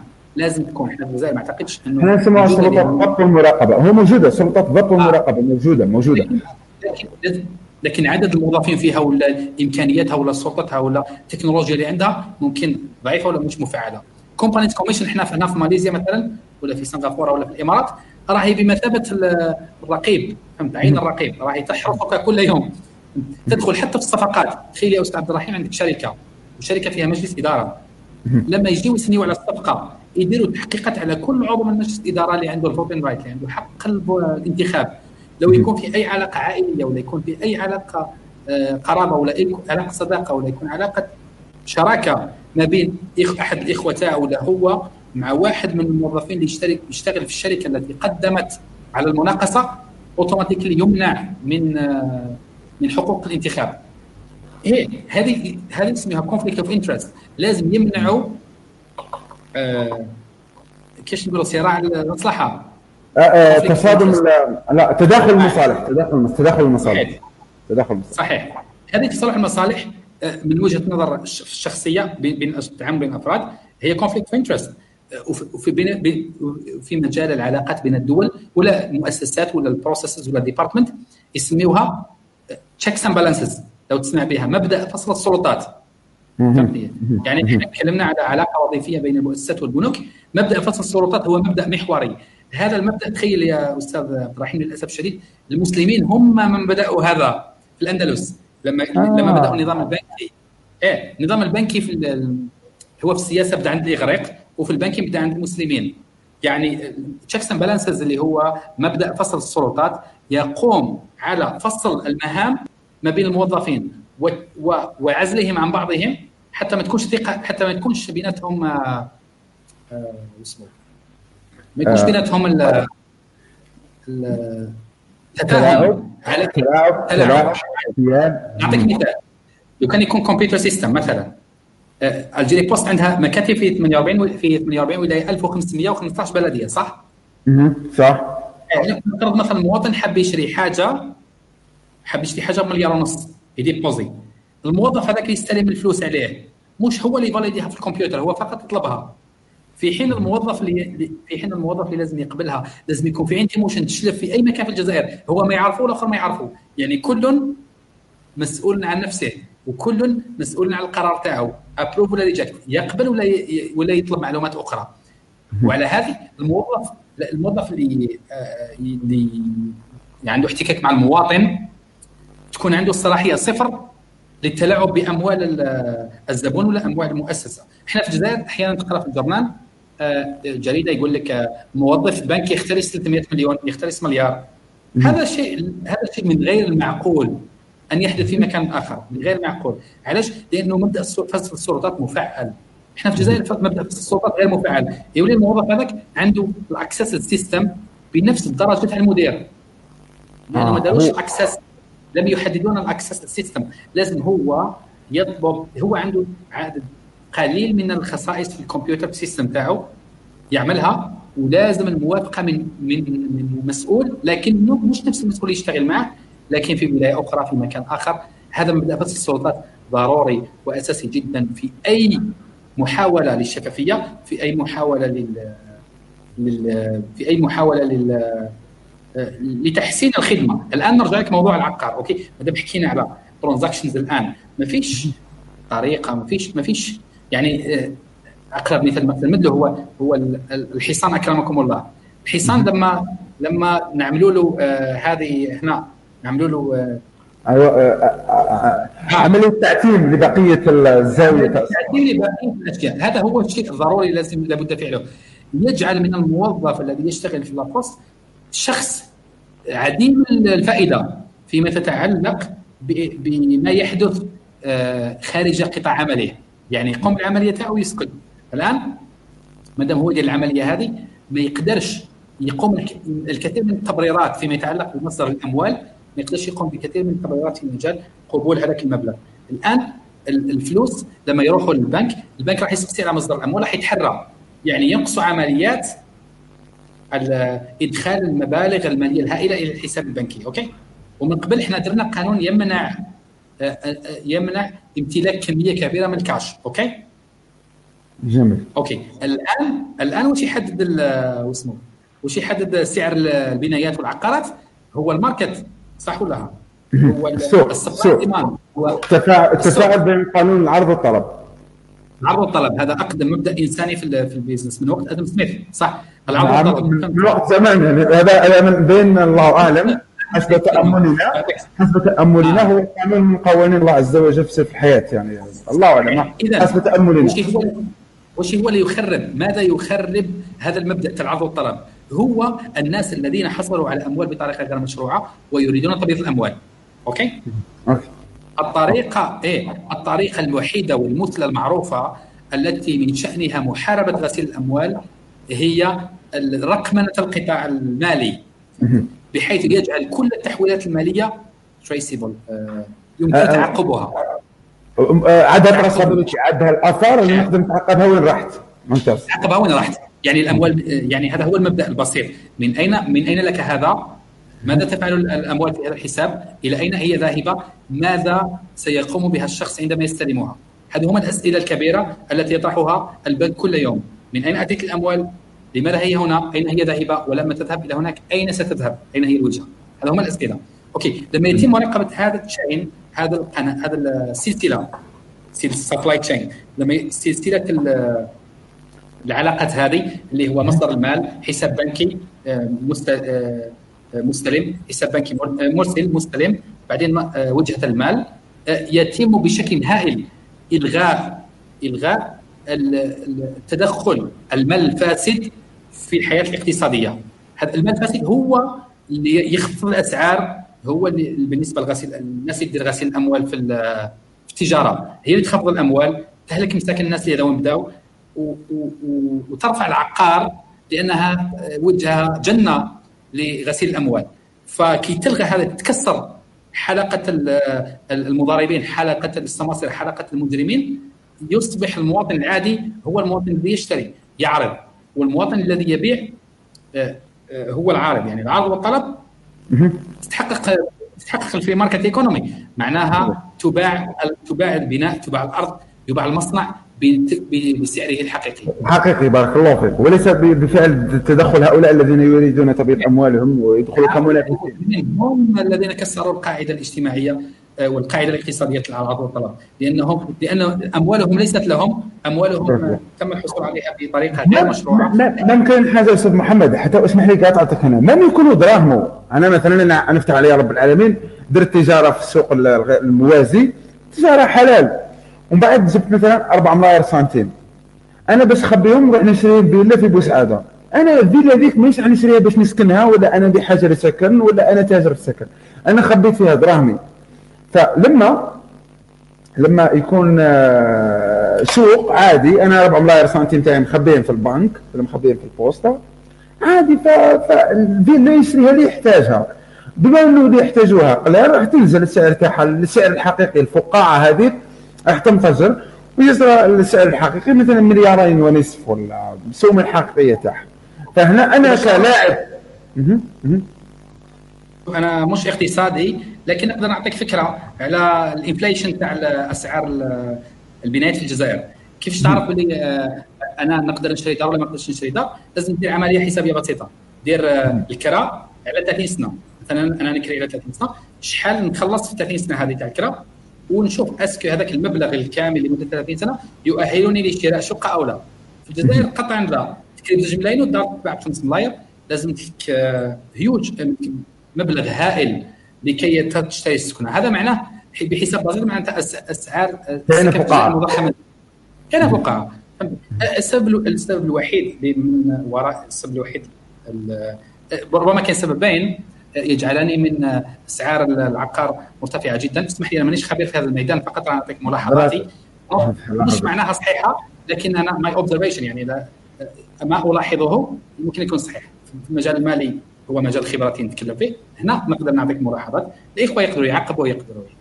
okay. So الحاجة الأولى هي العقار ال safe destination معناها في الجزائر يقول لك العقار jamais يطيح أخذ اشتري عاود بيعه كاين كاين كاين إنسان راح يشتري يوما ما خاصة جماعة غسيل الأموال راح يجي يعطيك مبلغ مليح تبيعه. فما في هو الاستثمار سيف يعني آمن. آمن آمن آمن آمن. آمن. بس تخيل انت معايا لو كان آه، تتكسر الشبكه تتكسر الشبكة هذه تاع تاع المضاربين وتاع تجار المخدرات وتاع المجرمين وتاع هذول اللي يشتغلون آه، في ال black market أكيد مش راح يكون العرض. يعني حتى نية شراء السكن كاستثمار آمن تتبدل عند الناس يولي مش استثمار آمن. الدولة من المفروض هنا تفرض تفرض الضريبة على السكن. أنت شريت سكن واحد okay تسكن فيه ما كانش tax ولا كاينة tax خفيفه السكن الثاني علاش تشري سكن ثاني؟ معناتها نفرضوا عليك آه، ضريبة. تخليك أنت تفكر ثلاث مرات قبل ما تشتري سكن علاش؟ هذا الأمر بصدد تفعيله هذا هذا الأمر بصدد تفعيله هذا الأمر يعني بصدد تفعيله في الجزائر بالمناسبة. لكن إحنا إحنا إن شاء الله نامل نأمل أنه مع آليات الدفع الإلكتروني اللي راح تنفذ راح يصير عملية آلية. طبيعيا راح ينزل السوق آه، أسعار السوق راح تنزل كما تصرع كفاءة هنايا وإن شاء الله آه، يعني اليا اليا. أنا نقترح نشري سكن باش نخبي فيه دراهمي أنا دراهمي نخبيهم في البنك ونرتاح. صحيح صحيح. تولي لازم تولي هي الفكرة. تولي آه سكن كوجهة آمنة لإخفاء الأموال ولا. كاستثمار آمن تولي تبدل عند الناس. simply لأنه تكلفة الإيجار منخفضة جدا. وما كانش هذاك الرجل السحري الذي سيأتي بمبلغ هائل من الأموال. يوم ما يقول لك okay الفيلا تاعك خمس ملايين واحد نعطيك 10 هذا لما تنحى من فكره الرجل هذا المثالي الذي سيأتي يوما ما ويعطيك هذه الكمية الهائلة من الأموال مقابل الفيلا هو يخبي يبيض في الأموال. وثانيا لما تعرف انه الكراء تكري هذا حياتك كامل ما ترجعش مبلغ؟ ما تغير الفكرة نهائيا فكرة شراء سكني كمصدر امن للثروه ويقابله عمليا تفعيل الدفع الإلكتروني الذي سيقضي على غسيل الأموال و وتبييض الأموال آه، بنسبة معتبرة. سيجعل من مهمة قدوم الرجل السحري الذي سيشتري عليك السكن مهمة أيضا مستحيلة لأنه التحويل سيتم عبر البنك أكيد مصدر ثروه in question من أين حصلت على المال؟ فهمتني؟ هذا هي يعني ميكانيزمات تتدخل مع بعضها وظيفيا. في النهايه تجعل من مهمة رجل البنك مستحيلة لشرح العملية حتى ولو يكون بالتعاون مع المجرم. وكذلك لو الفساد يعني تخيل مثلا أكيد أنه الإنسان اللي يعمل تبييض الأموال وغسيل الأموال هو إنسان آه، يعني عنده علاقات يعني فعل علاقاته في السابق يعني عنده علاقات البنوك علاقات مع السياسيين الولاد عن طريق مبدأ فصل السلطات يخلي المعرفة تاعه يوزلس ممكن تؤدي إلى آه، مسافة 10 متر لكن ما توصلش 100 متر لأنه الشخص اللي راح يفاليدي ما يعرفه أصلا ولا يعرف أيوة. أين مكانه. أيوة. فمبدأ فصل السلطات آه، مهم مهم جدا. مبدأ مهم جدا يخلي آه، سلطة الموظف الإداري محدودة جدا وكذلك الفساد. يعني أنت نسبة احتمال تحصل على الخدمة كاملة مقابل الرشوة التي دفعتها أو يعني المحسوبية التي يعني اللي عندك والمحاباه ضئيلة جدا لأنه سيمبلي ما تعرفش الإنسان اللي آه، اللي راح يقوم بالعملية اللي هو في مكان آخر وفي ولاية أخرى ولا تعرف حتى اسمه. جميل. آه بارك الله فيك كلام رائع جدا وفي الصميم ونتمنى أن صناع القرار يسمعوه. عندي برك الأخ فؤاد هو ناشط في الميدان. آه الأخ فؤاد دخل في الحلقة من الأخير يعني. فقال لا اشاطركم الرأي مناخ الأعمال غير مشجع للدفع الالكتروني يجب تحسين مناخ الأعمال. فلو تابع الحلقة من الأول كان راح يفهم باللي نحن أصلا نصب في نفس الإناء وهو أننا لازم نحسن مناخ الاستثمار. والأستاذ محمد تحدث بكثير على العقبات القانونية. وكيف أنها هي العقبة الأساسية وليس العقبة التكنولوجية لأنه ذكر بدليل انه التطبيق يحول أموال من طرف إلى آخر تقدر تأخذ ب 500 دولار. هذا أستاذ محمد. باش نوضح لك الفكرة تاع 500 دولار هذه B to B payments هذو راهم يقدروا يتعاملوا software service يعني آه، مش تشتري حتى التطبيق أصلا. قادر حتى آه، التطبيق تجيبه مجانا. ويعني تدفع شهريا مقابل عدد التحويلات. فهمت علي؟ يعني حتى ممكن مش حتى ب 500 دولار هو software as service فهمتني؟ ساس service هو منظور هو نظام آه، شراء آه، نظام subscription ل يعني 500 دولار هو مبلغ افتراضي وصغير. يعني وكافي للحصول على تكنولوجيا من هذا النوع من الهند. ولا من الصين ولا من أي جميل. من بنغلاديش؟ بارك الله فيك أستاذ شكرا جزيلا لك على كل ما تفضلت به. حنخلي لك آه، في كلمة ختامية باش نختموا بها هذا البودكاست وإن شاء الله نتلاقاو معك في مناسبات قادمة. والله كلام كان معك شيق وممتع وثري. وهذا مو زعما قال أنا برك راني مقدم لهذا البودكاست ولكن حتى كلام السادة المشاهدين يأكد على هذا الشيء فبارك الله فيك. شكرا جزيلا لك. كلمة أخيرة لك. الصوت ما نسمعوكش تفعل الميكروفون رجاء. شكرا جزيلا لك على الاستضافة. أنا سعيد جدا بها وسعيد جدا بتقديم إفادة متواضعة للجمهور الجزائري. لدي بعض النقاط التي أود أن أشاركها مع بعض الإخوة. هي أنه أول شيء الملاحظ الملاحظ أنه الكثير من المقاولين الجزائريين ورواد الاعمال في فيسبوك يعني الذين الذين أتابعهم تقريبا كل يوم يفتقرون إلى العمل الجماعي. فتقريبا يضعون أهمية قصوى للمهارات التقنية في التصميم والبرمجة كسبيل لل لسبيل النجاح. أول شيء لازم لما يكون طالب في الجامعة النصيحة الأولى والذهبية يعني ال 1 مليون دولار ادفايس أول شيء ابدا بتعلم اللغة. لأنه العالم بالإنجليزية العالم بال العالم يتطور كل يوم العربية مفيدة. العربية الفرنسية أيضا مفيدة لكن العالم اللي تحت اللغة الإنجليزية الإنجليزية هي الاساس الإنجليزية هي السلاح. لما تتعلم الإنجليزية في السنوات الأولى من الجامعة السنة الأولى راك تخلص من عقبة كبيرة. السنة الثانية في الجامعة حاول تتعلم مهارات مهارات أساسية ومهارات جوهرية في العمل.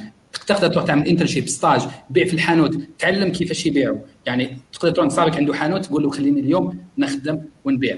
حتى تعرف تعرف الزبون. خدمة العملاء هي ال 1 مليون دولار advice اللي مستحيل يعطيها لك شخص آخر اللي هي خبرة في الميدان. بعدين لما أنت تروح تأسس startup تاعك تعرف إنه الزبون هو الأساس. customer is king الزبون هو الملك. قد يكون صحيح قد يكون غلط لكن آه الزبون هو الملك. فلما تتكلم أنت على تكنولوجيا حلول تكنولوجيا تقول أنا باغي نعمل startup يعمل هذه وهذه وهذه وهذه لازم تشوف what customer really wants هل الحل تاعك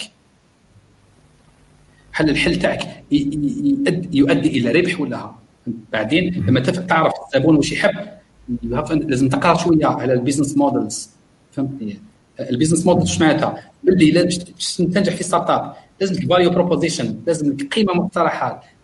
مثلا جوجل organize the world's information and make it universally accessible and useful. فهمت؟ نوكيا connecting people. فهمت؟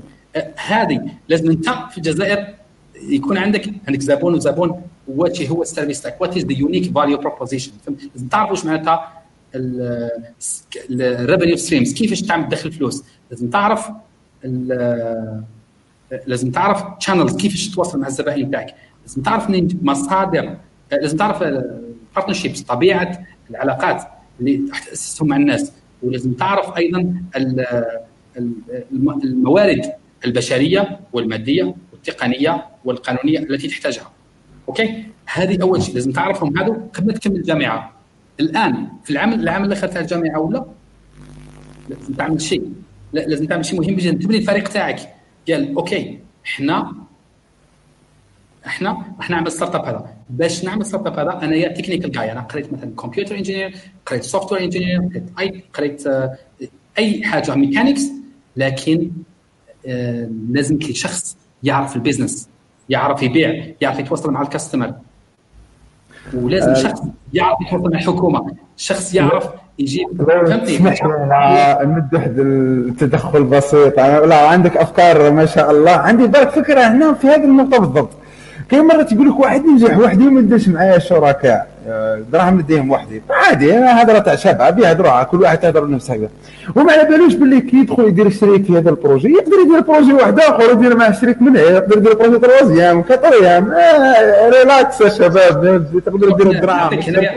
نعطيك هنايا نقطة مليحة بزاف لكن إن شاء الله الجمهور ما ياخذهاش بحساسية هي أيوه؟ الشعب الكيان الصهيوني معروفين بال بالحس هذا ال entrepreneurship يعني هم ناس حريقين للعاده في مجال المقاولاتية يعني كي يقولها هم أستاذ أستاذ محمد أستاذ محمد هنا هنا أنا بالنسبة لي كاقتصادي برك لما يقول لي واحد مثلا آه هذيك بيئة وإحنا بيئة أنا نظن برك كاين عدم تكوين مقاولاتي ثم. بدليل بدليل بدليل انا عندنا هنا عندنا واحد التجربه في الجزائر عظيمة تجربة عظيمة جدا تجربة اخوه بني مزار تجربة المزابية حاجة عظيمة مش سهلة.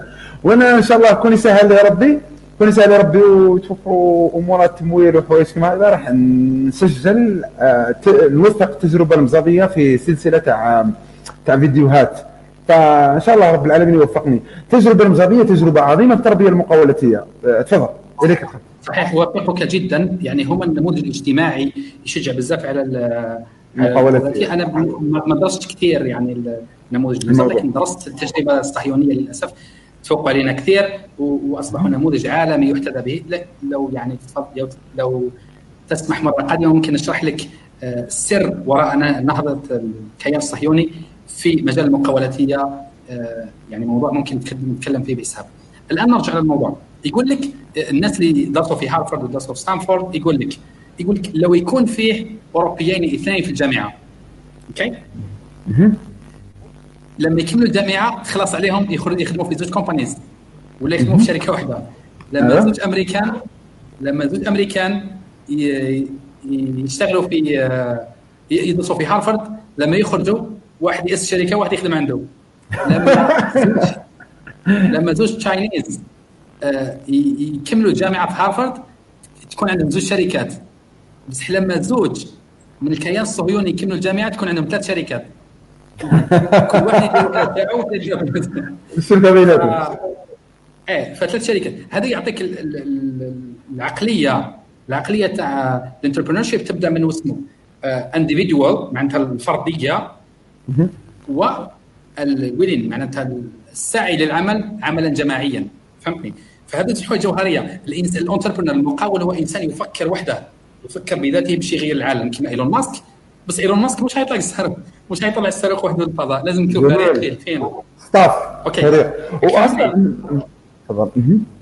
فهذه نقطة جوهرية. آه، آه، الأساس أنه صح تبغى تنجح أنت تبغى دير الفكرة. أنت تعتقد أنه أنت فقط اللي يفكر هكا وينجح ومن المستحيل تلقى الشخص يفكر ان quite same way يفكر كما أنت بنفس الطريقة وراح ينجح. مش مهم. ما تقدرش تلقى شخص فوتوكوبي لو كان دير أنت start-up وتجيب إنسان تجيب آلة تخدم فوتوكوبي ذاك راح تفشلوا في المشروع.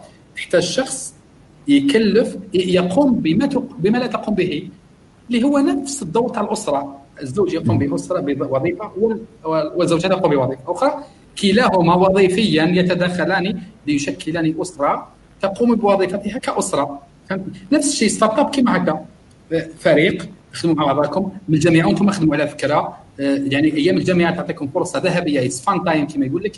ما تضيعوهاش في ال non-sens تعلم ديروا معناها فرق تخدموا مع بعضكم حاولوا تطوروا منتجات حاولوا تحكيوا مع الناس ديروا نفس المجهود باش لو كان يكونوا عندكم فلوس واش تعملوا؟ ديروا نفس الفلوس نفس les efforts باش تلقاو الفلوس هذوك.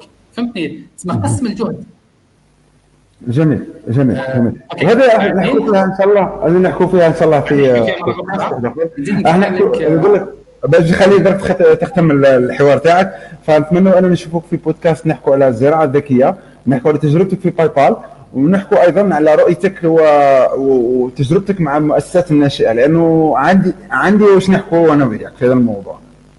بكل سرور أستاذ رحيم نكمل لك هنا باش يستفاد الجمهور الكريم كما قلت لكم ال entrepreneurship المقاولات هي مش هي حالة نفسية تبدا الصباح آه، اليوم نضطني في فيسبوك شفت عبد الرحيم الدكتور عبد الرحيم يقوم فيديوهات أروح تشوف نعمل إيش معناتها ال entrepreneurship ال entrepreneurship راهي mindset راهي ثقافة. تحل ال problem تمشي في الطريق تلقى الكارت في الطريق تهزه حتى ولو ما داروا ما داروا حتى لقطه تبدأ من هذه اعتماد على النفس تبدأ من تلقى problem تحله. مش لأنك تنتظر يخلصوك ولا تلقى الناس مش منظمين تقول ما رحتش نعمل الصف. فهمتني؟ تبان صح أفكار مجنونة لكن هذا هو تشترك في جمعية، الجمعية تعطيك كم هائل من المعلومات التي لا يمكن تعلمها في مكان آخر. فهمني بعدين cumulative معناها التراكمي التراكمي من الجامعة من الخبرات من من l'armée لل service national. راهو ثاني فرصة ان نقصوها رجاء سنه في دول أخرى يتم بعد الباك إحنا يتم بعد الدراسة. هذه ثاني موضوع مليح في مره قادمة. لكن موضوع مهم يخليك تعتمد على نفسك يخليك مسؤول. المسؤولية اللي تهزها من ال armée المسؤولية اللي تهزها من المهارات اللي تهزها من ال armée المهارات اللي من الجامعة كلش حطهم توجذر وزيد شوف كاش واحد يأمن معك بالفكرة. أبدأ وخدموا حاجة خفيفة. تقدر تكون من تبيعوا حاجة في السوق باش تفهم وش هو الكاستمر باش مش الزبون. تعرف باللي الزبون مش متركز في مسيلة مش في باتنا مش في ألجي مش في وهران. الزبون راهو في 48 ولاية آه نساء ورجال آه شباب وكهول أطفال. معناها من كل الاختلافات من كل اللغات الجزائر القاره معناها آه لازم تعرف ان كاين ناس بزاف مختلفين فينا مختلفين علينا معرفه الزبون هذه راهي راهو 90% من ال success. ما تقدرش تصمم منتج ما يحتاجوش الزبون. هذا راح يؤدي الفشل الواضح والفشل الآني. الآن بالنسبة لل لل payment الموضوع الأساسي كان payment مش المقاولاتية. فنرجع. صحيح الجزائر عندها ecosystem رديء معناها منظومه مناخ الأعمال في الجزائر مناخ المقاولاتية مناخ التجارة الإلكترونية جد رديء لكن من المستحيل أنه يوما ما راح ننهض في الصباح ونجد الجزائر تغيرت. يعني كل شيء ولا HD ولا digital فهمتني والناس تقول لك OK الآن نقدر نعمل e-commerce no. في كل مكان في العالم كانوا اسوء منا الهند كانت اسوء منا بنغلاديش اسوء منا إندونيسيا اسوء منا ماليزيا كانت اسوء منا تايلاند اسوء منا لكن لو تشوف اليوم جهود عملاقه على الصعيدين. على الصعيد الحكومي هو الأساسي لأنه الحكومة قامت بعمل استراتيجية وطنية واضحة للرقمنة واضحة وطموحة لتشجيع العمل الفردي لأنه ال e-commerce يوظف مناصب شغل هائلة يغنيك عن العمل آه، في الدولة. وهنا بالمناسبة آه، نحيي الطلبه اللي كملوا الجامعة. إذا فيه إمكانية 1% أنك تقدر تعيش ما تموتش على أنك تشتغل عند الحكومة بهذاك عقود ما تشتغل دون دويت لا تذهب إلى هناك. تقتل حياتك تقتل طموح فيك وتقتل مصير ابدأ بأي شيء حتى ولو تبيع جازوت الصوت حط فيها والله هذا هو. أبدأ أبدأ أبدأ شو أبدأ بسيال أبدأ بسيال. اشتري سيال من منطقة وبيع في منطقه أبدأ جرب بيع. صحيح. هذا هو الأساس هذه هي المايند سيت كما يقول لك الاقتصادي الكوري ها جون تشانغ هذا آه، أنصح الإخوة يعني يقراوا عليه. آه، إنسان إنسان مميز جدا اسمه ها جون تشانغ يعني هو يتكلم في هذه المواضيع يقول لك الناس في الدول المتخلفة لابد أن تكون عندهم ال mindset تكون عندهم شو مثلا ال mindset بالعربيه العقلية عقلية عقلية. العقلية. تكون عندهم عقلية المقاولاتية حتى من أجل أن يبقوا على قيد الحياة. مش باش يكونوا أغنياء. يعني no matter how مهما كانت ال situation انهض في الصباح كل يوم ارمي 20 فكرة في الحائط وشوف وش يصلح. فهمتني؟ ندير هذه ندير هذه. جرب كل الافكار اكتب كل الافكار ناقشها مع الناس اللي تعرفهم الناس اللي تثق فيهم آه، وشوف اللي اللي تصلح. آه، تقدر تكون معناها آه هذا الاقتصادي رائع جدا. الاقتصادي الكوري ها جون تشانغ يكتب آه الكثير من الأشياء المميزة. فيعني ننصح الناس تقارب فنرجع للموضوع أنه لا هذه هي العقليه ال entrepreneurial ما تستناش miracle آه، happen معجزة تحدث وتصبح مقاول اجتماعي ورائد اجتماعي overnight هذا شيء لن يحدث. حتى ولو حدث ستفشل. مثل ما يفشل 95% من من المقاولين. لأنهم لا يفهمون الزبائن لأنهم آه، لأن ال model ال product تاعهم مش صحيح لأنهم الوقت اللي وضعوا فيه ال product خاطئ. لأنه الكثير من الأشياء يمكن نحطوا التمويل هو آخرها. صح في الجزائر ممكن يكون التمويل التمويل في مراتب أولى لكن كمقاول اجتماعي يجب عليك إثبات أن سبب الفشل لم يكن ماديا. جميل هذا جميل. والتوفيق لاخوتنا أنا صفحتي في الفيسبوك اضع فيها أشياء في المقاولات كل يوم. آه بارك الله فيك. برسالتكم واسئلتكم آه دوكا نديروا زيارة خفيفة للصفحة نتاعك من هنا بقاو معايا الاستاذ الكرام آه بقاو معايا. آه ندخلوا للصفحه تاع الأستاذ محمد. هاي voilà. هاو الاستاذ محمد بجانب العمالقه الله يبارك. أه تشوف سي محمد طلعت صفحة؟ اذا من ليس له قوة الصبر على صحبة العالم والعلم وحسن الثبات على ذلك فهو ليس باهل لتلقي العلم. فمن لا صبر له لا يدرك العلم. ومن استعمل الصبر ولزمه أدرك به كل ما كل أمر سعى فيه من قصة سيدنا موسى والخضر عليهم السلام. ديروا جام. ممكن تنزل اسفل فيه منشور على السنة رأس السنة في أول جانفي كتبت شيء ممكن يكون نافع. أنزل اسفل في أول جانفي كتبت شيء أنزل اسفل في أول جانفي. فكتبت شيء على الهجرة. لا هذا؟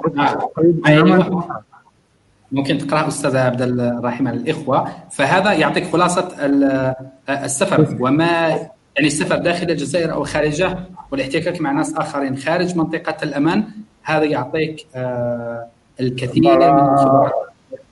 كنشاركوا اكسروا قيود الأوهام كل عام وأنتم أحرار. كل عام وأنتم في حركة دائمة بين الدروب والأماكن بعيدا عن العادة والمألوف من ضيق الدنيا التي سنسكر لك الصوت برك. ليه يتكرر. إذا كل عام وأنتم في حركة دائمة بين الدروب والأماكن بعيدا عن العادة والمألوف. من ضيق الدنيا إلى سعتها بينما شجاعتكم تحرك فيكم البحث عن آفاق ممتدة وتجارب متجددة وفرص أفضل بعيدا عن البيروقراطية وأذيالها كل عام وأنتم تتحررون من وهم الأفكار البالية وأذناب المستعمر ونشوة الشعور ودفء العادة وتأثير القبيلة والطائفة لسعة التفكير والسلوك من التربية على الأمن إلى التربية على الحرية والفضيلة ومن مدرسة المحدود محدودة الفرص إلى التعلم متعدد الفرص ومن رزق الوظيفة الضيق إلى رزق العمل الواسع ومن التقاعد القاتل إلى متعة خدمة الآخرين. كل عام وأنتم مثل النحل في حركة فكرية ونفسية وسلوكية تنقلنا جميعا من هزات العاطفية من الهزات العاطفية عفوا والأحلام المجنحة والحماس العابر إلى وضوح الرؤية ومضاء الإرادة وقوة القدرة. كل عام ونحن نجرب ولو مرة واحدة في حياتنا أشياء لا نعرفها تماما قد تمكننا من تغيير حياتنا للأفضل ونتوقف عن التغنانت ومبدأ معزة ولا طارت والمارشال ريال مهرس والاعتقاد الخاطئ بأن التغيير يعتبر تنازلا أو أنك تضيع للأبد. أو تضيع للأبد إذا جربت شيئا لا تعرفه. لأهمية هذه الفقرة سأعيد القراءة مرة أخرى. كل عام ونحن نجرب ولو مرة واحدة في حياتنا أشياء لا نعرفها تماما. قد تمكننا قد تمكننا عفوا من تغيير حياتنا للأفضل. ونتوقف على التغنانت وابدأ مئزة ولا طارد والمارشالية المهرس. والاعتقاد الخاطئ بأن التغيير يعتبر تنازلا. والاعتقاد الخاطئ بأن التغيير يعتبر تنازلا. والاعتقاد الخاطئ بأن التغيير يعتبر تنازلا. وأنك تضيع أو تضيع الأبد إذا جربت أشياء لا تعرفها.